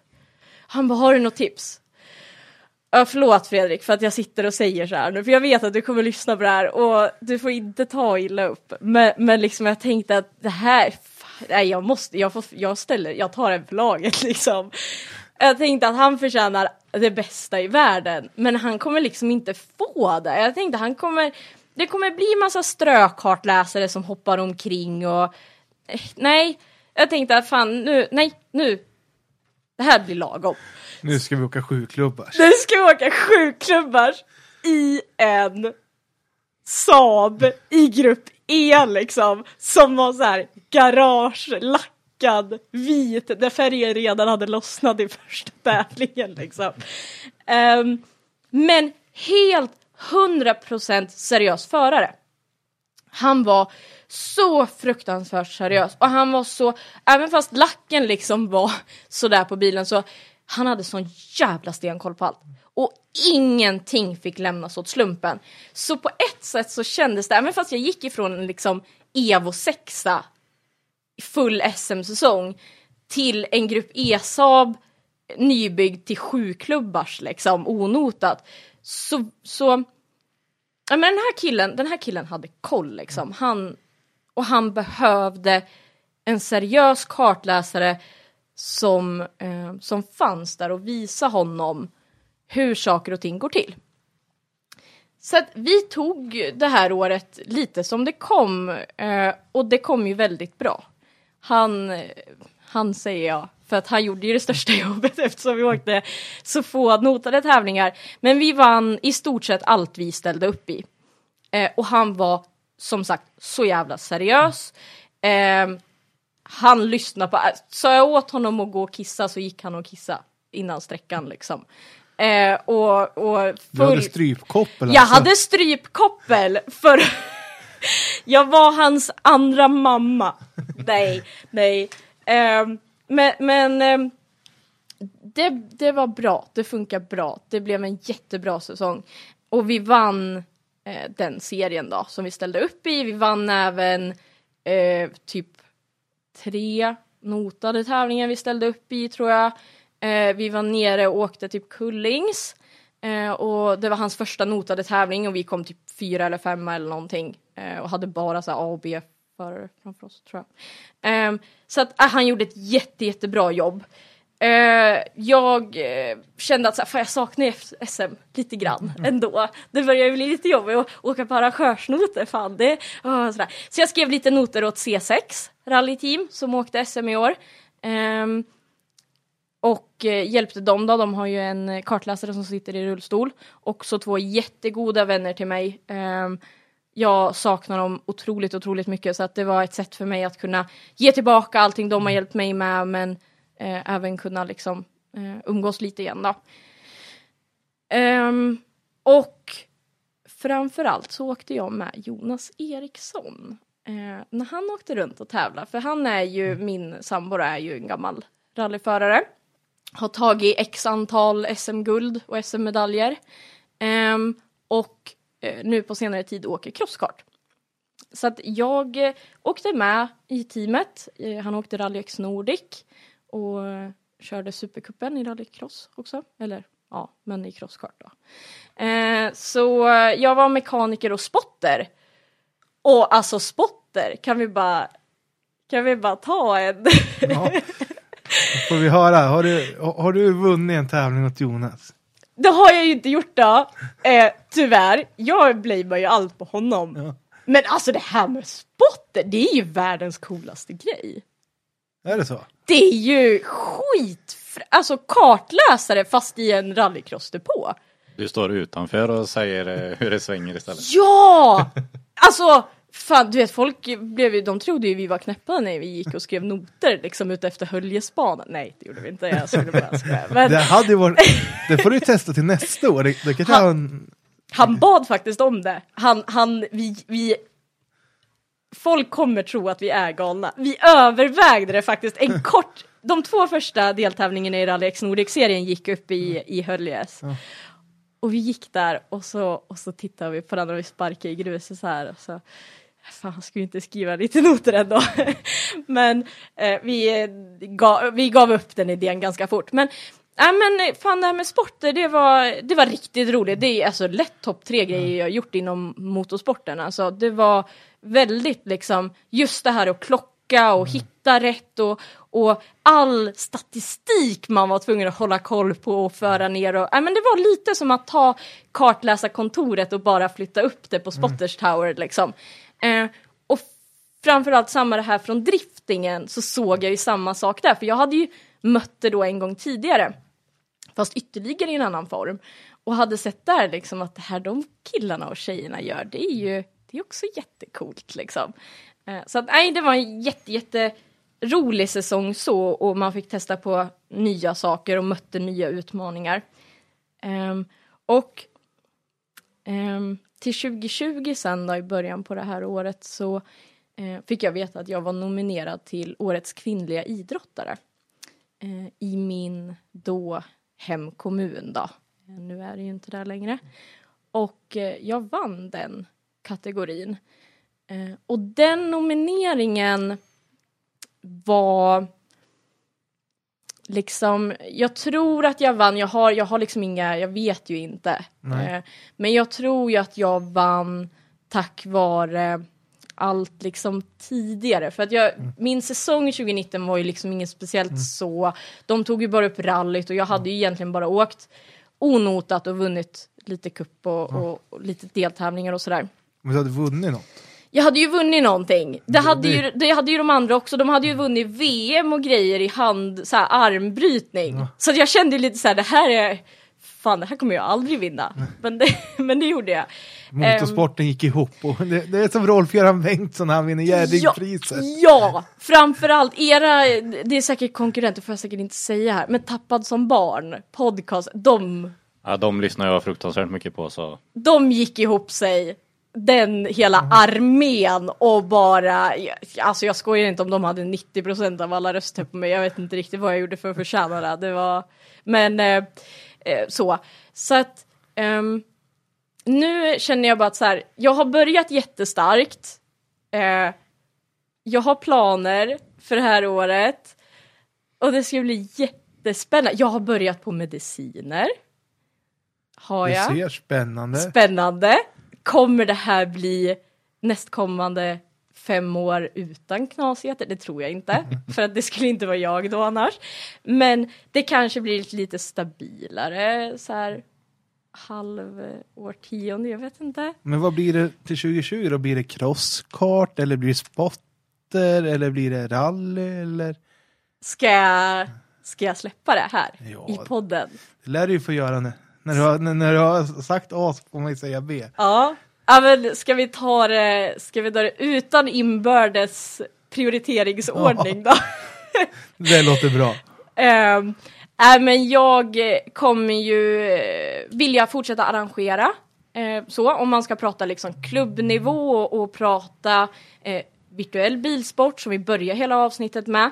Jag kommer försöka jobba jättehårt på den delen och framförallt visa, eh, kanske lägga lite eh, grunden för klubbar ute i Sverige att kunna arrangera och kunna ta över bollen. Så där tror jag att jag kommer jobba mycket och kanske åka runt lite runt om i Sverige och besöka klubbar eh, och prata virtuell bilsport, visa så här enkelt är det.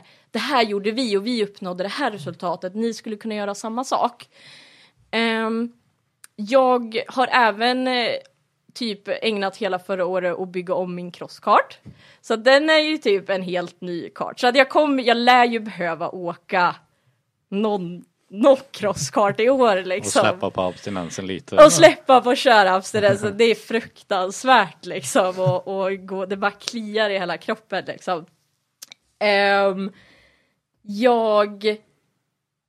Ska vi, ska, vi, ska vi ta stora, vad ska jag göra i rally? Ja, Ja. det är ju där vi är nyfikna på nu. Det- Ja, vi sitter ju och väntar här nu. Ja, Och du bara snackar på om jag, massa jag, annat. bara, jag bara tar Kom, massa shoot, tråkiga va? grejer. Precis, jag ska ju inte åka rally, jag ska, jag ska köra drifting.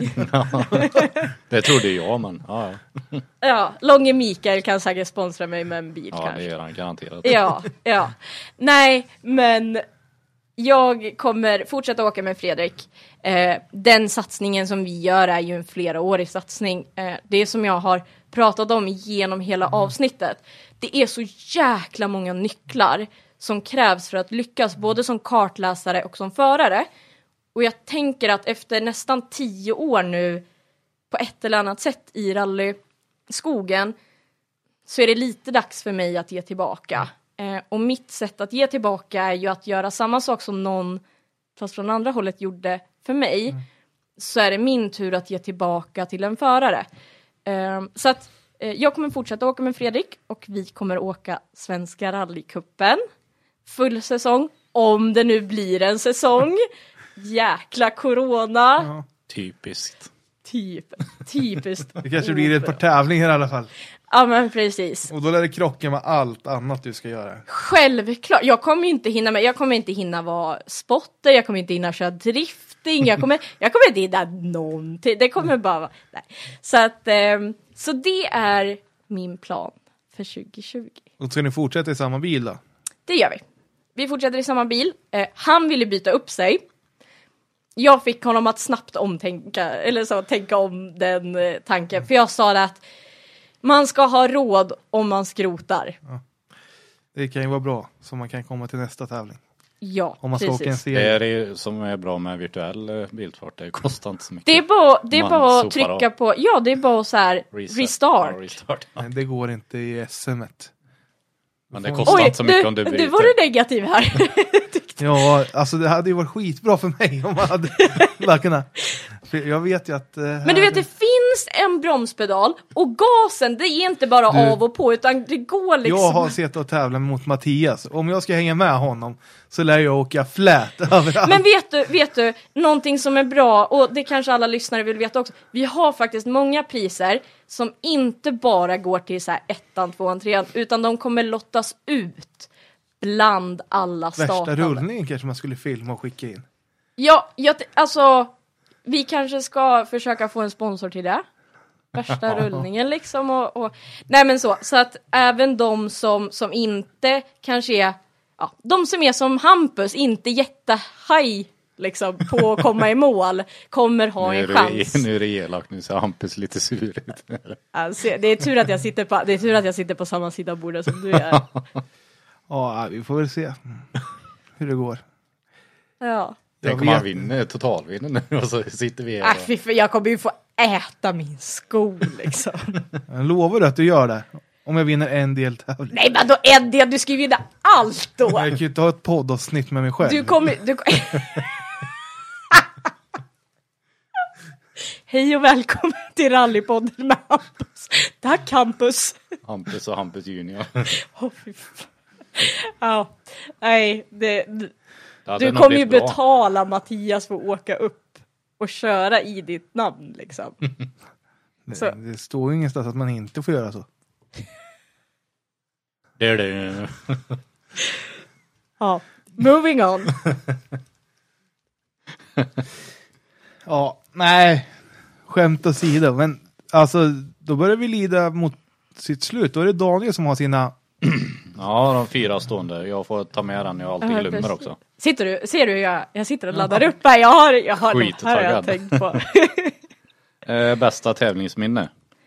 Mitt bästa tävlingsminne, det är Dackefejden 2016 när jag åkte med Kim Masta. I, I hans knallorangea 240 Evoque. Och det gick mer i sidleds än rakt. Hela rallyt. Jag tror vi var två eller tre gånger. Det slutade på en femte placering vi var så in i helvete med startande så vi fick prisen då. Så jag har en sån här jättefin glasplakett hemma liksom med femteplacering. Du vet, jag, jag stod där och, och liksom var jätteglad för den där men jag tänkte, skämtar du? Vad fan, det här händer bara i rally liksom. Att plats fem får, får pokal liksom. Nej, folkrace. Alla, alla sex i final får ju hela tiden. Herregud, ja. Nej, jag håller ju på med fel sport, jag hör ju det. Nej, fruktansvärt rolig tävling. Framförallt så jäkla roligt tävlingsminne. Vi hade, de kom upp, eller kom, kom ner, de är från Värmland då, så han och, och hans mekaniker eh, eh, Kenneth Christiansen eh, kom ner typ en dag tidigare till mig och, och bodde över på natten. Och vi hade jättetrevligt och, och spela badminton och skit och sen så drog vi ner dit och de bara stojade och skojade med varandra och, och äh, det var fruktansvärt härlig tävling bara. Så roligt. Vi skrattade och vi sjöng. Jag tror vi sjöng på, på sträckorna också och framförallt så läste jag norska semoninoter. Och det kan jag tala om att det var många som undrade. Fyra vänstre och, tre höje. Vi hade fått, eh, vi hade fått Barten att skicka med dubbla notblock. Eh, för att jag skulle lära mig att läsa semoninoter. Så de hade skickat med dubbla ner och sen så sa Kim det att men kan du inte kan du inte skoja lite med folk? Kan du inte skriva, skriva dit norska med samma text som, som Barten har skrivit då? med så här bred värmländska. Och jag, och jag bara, ja ja okej. Så jag gjorde det. Och du vet, det, jag tror jag hade så här 60-70 kommentarer på, på det inlägget på Facebook. Äh, det var fruktansvärt roligt. Fruktansvärt rolig tävling. Ja, det låter ju riktigt kul faktiskt. Eh, sämsta skogsminne? Ja men det är SM-finalen i Linköping 2017, utan konstigheter. Det misstänkte jag faktiskt. Det lät inte alls kul. Men det gick bra med er för övrigt eller? Det var ing- Ja men det gjorde det. Jag skador? har, jag har lite sviter i, eh, i ländryggen. Ehm, har jag problem fortfarande då. Ehm, en eh, lätt eh, kompression då mellan två kotor. Som de flesta som åker rally har. Ehm, Men annars så gick det bra med oss. Jag tänkte bilen började brinna sa du va? Mm, jag kom ju ut då. Han ni Eh, släcka eller brann bilen upp helt eller vad? Nej, han han eh, som tur var släcka för han ser ju som sagt mig. Så han springer tillbaka, får ut en brandsläckare och då måste jag kommit ut då, för jag tänker att annars skulle jag tagit ut mig innan brandsläckaren. Eh, och på något sätt får in, för det brann ju från motorutrymme och sen in via kardantunneln. Eh, så att, eh, nej, vi fick släckt på bilen. Men den var ju full av skum istället. Jaha. Så att eh, det är ju inte så roligt. Jag vet att Jari liten nämnde det i sitt poddavsnitt där han råkade slå igång sprinklersystemet. Ja. Det är inte roligt att rensa en bil på skum. Pulver. Pulver. Pulver. Pulver. Pulver. Det är jätteviktigt. Eh, garagetabbe, har du varit med om någon sån? Jag satt jättelänge och tänkte på den där och tänkte, fan har jag... Men jag har, näst, jag har faktiskt inte gjort någon själv som jag har kommit på. Hampus, du, har, du vet hur mer än jag är. Ja, Jag tänkte den där folkracebilen. Ja, det skulle kunna... Men det är ju ingen tabbe. Det är inget, ta- Jag tyckte det var ett jävligt lyckat projekt om jag får säga det själv. men hade du ing- alltså, ingenting under tiden som gick snett? Det var där jag tänkte. Nej, jag tror... Nej. Jag, nej, det tog väl bara en jävla lång tid tror jag. Nej, däremot om jag får liksom... Jag nämner inga namn.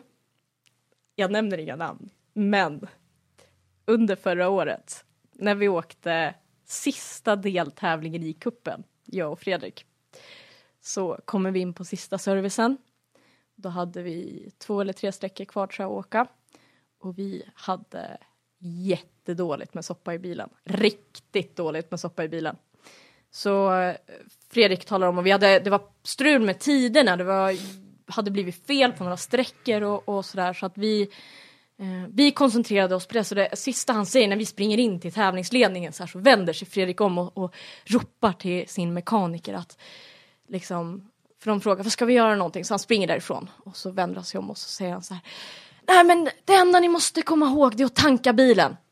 Det viktigaste är att ni tankar bilen. Och så springer vi in där liksom och försöker rätta till tiderna på tidkortet. Och så åker vi iväg.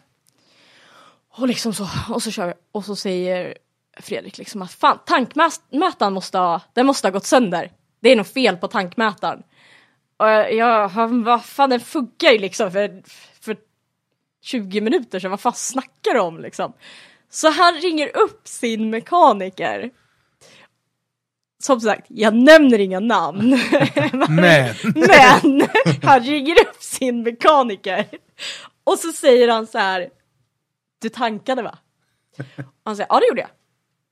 Ja, men alltså det är inget, det är ingen soppa i bilen. Och Fredrik bara, ja men fan vi, vi ligger lite före liksom, jag, ja, ja vad skitsamma, och ha kvar telefonen liksom så här, vid örat. ja men jag, jag stannar, jag får stanna och slå i några liter och du vet jag skriker bara, nej det får du inte göra Fredrik, nej nej nej, fortsätt du får inte vika av från rutten. Du måste stanna kvar på, på angiven liksom rutt. På väg till sträckan, du får inte stanna. Vad ska vi göra? Vad ska vi göra? Och han liksom sitter och nästan såhär, oh, man ser hur han blir svettig och liksom och, och han skäll, liksom, nästan skäller på den här stackars mekanikern. Och, ja men det är ju ingen soppa i bilen, hur kan du ha tankat? Ja men jag har tankat, jag lovar. Och sen, nej, nej men vänta nu. Och då hade vi en sån här vev, liksom vevpump, vet ni vad jag pratar om? Man steppar ner i fatet och så, och så vevar man liksom, då vet man ju att ett varv är ju liksom ett antal. Och den här veven funkade ju inte så bra då. Så tydligen har han stackaren stått och vevat där i 10 minuter typ av servicen och det har kommit i liksom två liter av 15 liter. Vilken jävla skitgrej att tanka med. Vilken jävla skitgrej. jävla skitgrejer. Så det där, det, det, blir- det det blir det inte i år. det blir det inte. I, I år har vi förskaffat oss så här snabbtankningsgrejer man har på typ långlopp. Sådana har, det, det är jävligt bra grejer. ska jag bara Så det är, det är den enda liksom tabben så jag kan. Det är tyvärr inte om mig själv då. Fan, eh, Hampus, har du någon garagetabbe? Ja, ah. ja, jag vet inte. Jag höll på. Jag hade ju en rallybil när jag skulle åka ungdomsrally tänkte jag. Sen Mm. köpte vi en extra kaross och sen skulle vi skruva ner tanken på extra karossen. Mm. Så låg det några polare och jag höll på att skruva där för fullt. Och sen när jag fick bort trissat då skriker polaren bredvid. Pang! Så tappade jag hela tanken över mig själv. Var Med det, soppa i då eller? Nej, det var lite grann. Vi hade ju Ja. tömt det mesta men det var ju lite kvar som inte var det sån här gammal härlig luktande soppa då eller? Nej, men den var alltså, den var ju helt okej. Men det, det rann ju inte ut, utan jag fick ju bara tanken av. Jag släppte ju allting, jag trodde ju halva bilen sprängdes eller något. Fy fan. Ja, jag har ju en rätt så rolig tabbe jag kan dela med mig av faktiskt. Men det kan vi ta nästa avsnitt. Ska vi göra det? Ja, vi kan inte ta båda i samma Ja, avsnitt. Det är en sån här cliffhanger. Ja, då tar vi det i nästa. Oj. Lika bra. Ja, Jag har ju rätt så många så jag kunde ju dela med mig av. Jag är en Karlsson som vi brukar säga. Vi har fan tummen i mitten även ibland. Jag och mina bröder. De kommer aldrig erkänna det men Men det ser vi när Nicke kör dö- dirt. Så. ja. Du, han har skickat lite klipp. ja, men eh, kartläsa miss. Oj! Måste det finnas någon? Är den där ny? är den där, lite. får, är Nej, den, nej, alla den. Oh no. Lyssnar du inte på våra avsnitt? Här satt, jag har ju, jag har ju hoppat lite, här, så här satt jag och hoppades på okej. Ehm. Några Ehm, kan du ta, du behöver inte ta den värsta. Nej, jag, eller hur, jag får utelämna den va? Den Ja, behöver nej, jag inte. den ska ju med också men vi kan ju lista ut vilken som var värst. och så så här, oj. Jo, mitt värsta kartläsar, min värsta kartläsarmista är att eh, jag, jag sitter och, och, och läser, det är en riktig, riktig, riktig lång sträcka. Eh, Eskilstuna, eh, Svalboviken, för de som vet vilken det är. Och jag läser, det var när jag åkte Wok eh, med Andreas Gumora, den här killen som lärde upp mig. Och sen så det var innan jag hade börjat vika sidorna. Eh, vissa kartläsare de knögglar längst upp i, i hörnet och vissa viker varannan sida och sådär. Jag viker varannan sida, jag hade inte börjat med det då. Eh, och jag eh, läser och läser klart på sidan och det är lite tight, det svänger lite mycket och så bläddrar jag och så fortsätter jag läser och jag hade haft så jävla bra sträckor innan, jag hade läst så jäkla bra, allt hade suttit, vi har inga konstigheter överhuvudtaget. Och så helt plötsligt så är jag borta. Fast vi är mitt i liksom kombination och, och vi kommer till en raksträcka och, och jag hittar inte den där raksträckan. Och sen när vi går i mål, jag är ju, jag är ju borta resten av sträckan liksom. Och så går jag i mål och Andreas liksom, men vad var det som hände? Han var alltid väldigt, väldigt lugn och, och försiktig och sådär. Så, han, men vad var det som hände? Gå tillbaka. Gjorde den liksom, för jag, jag, det jag fick jag lära mig tidigare, jag ska alltid sitta med en bläckpenna i ena handen så jag alltid kan liksom Gör en anteckning om det är någonting. Bara gör ett kryss eller vad som helst. Jag hade ju gjort det där jag kom bort och och då bläddrade och så, och du vet jag blev helt, och det bara, åh det bara stelnade i hela kroppen, jag mådde illa, jag, åh fy fan jag blev helt vit. Och så jag bläddrade två blad. Och han bara, ja okej, ah, det har jag gjort massa gånger. Det, det, det är inte så bra men gör det inte igen. Och så gick jag vidare liksom. Det är nog min värsta kartläsning. Så efter, efter den gången så har, har jag vikt varenda, eh, varannan sida. Men vartenda notblock jag har ägt så har jag vikt sidorna. Och det kan man titta, jag har sparat alla mina notblock från alla tävlingar jag har åkt. Och det kan man se då, före EMK-kannan det här året så har jag inte vikt sidorna och efter EMK-kannan så har jag vikt varenda sida. Ja, man lär sig av sina misstag. Man gör ju det, man gör ju det. Eh, sen är det den sista är ju vad har du med dig ut i bilen på tävling? Ut i sträckorna. Och jag kommer ju vara jättetråkig nu och säga åksjuka armband. Det är väl inte tråkigt, det är väl bra att ha? Jag hörde att Lisa hade sagt samma sak fast hon tog åksjuketabletter. Och jag tänkte när jag hörde henne säga det och så tänkte jag Jaha, nu kommer jag ihåg den där tråkiga som säger samma sak. Men jag har faktiskt, jag lider faktiskt av samma sak. Jag är jätteåksjuk, riktigt åksjuk. Jag hörde något konstigt. Eh, någon hade på sitt barn och undvek eh, åksjuka. satte plåster över naveln. Det var väldigt konstigt. Ja, men det har jag hört flera som. Ja, det var det konstigaste jag har Men hört. är det åksjuka, vet du om det är åksjukeplåster då eller om det är vanliga plåster? Jag hörde bara plåster. det andra, det andra bara får förbi. Man ska nog ta åksjukeplåstret. Det Ja, ger men nog bättre effekt. Ja, då är det dags att runda av här och vi får hoppas att det virtuella rally blir en stor succé nu när allting annat är pausat på obestämd framtid och vi får tacka dig Felicia att du ville komma hit. Ja men tack för att jag fick komma hit. Det var jätteroligt. Det var jätteroligt att träffa er båda. Ja, det ju- var jättekul att ha med dig faktiskt. Och prata om virtuell rally som inte jag är så insatt i. Och Daniel, vi har ju en annan sak vi kommer göra också framöver. Vi kommer Eh, ju... De flesta har ju sett att vi har hypat lite i alla fall.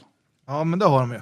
Mm. Jag har inte haft eh, tid för jag har eh, fixat i ordning och kört mitt första test med bilen för i år. Jag hade ju lite abstinens jag med. Ja, Du får ju åka i alla fall. Ja. Drift, du åker ju drifting. Ja, det var fruktansvärt gött att få släppa loss spasserna i högerfoten faktiskt. Men eh, jag ska klippa i ordning där så kommer det snart ut. Ja, det handlar ju om våran videologg. Som Ja, vi... precis. Eh, Vi ska börja vlogga. Oh, the hype is real. Yep. Jajamän. Men jag får ju eh, säga som lite grej att eh, jag hann inte få micken innan vi spelade in. Och sen såg jag lite när jag klippte. Jag ska försöka rädda det att eh, man såg inte så jättebra när jag filmade in i bilarna. Eller bilen. Eller bilarna. Vilket liten cliffhanger. Bil. Nej men vi tackar Felicia för eh, en bra pratstund på två timmar tror jag det blev. Ungefär. Lysande. Ha det bra allihopa, så se- hörs vi och syns vi. Ja, hej då!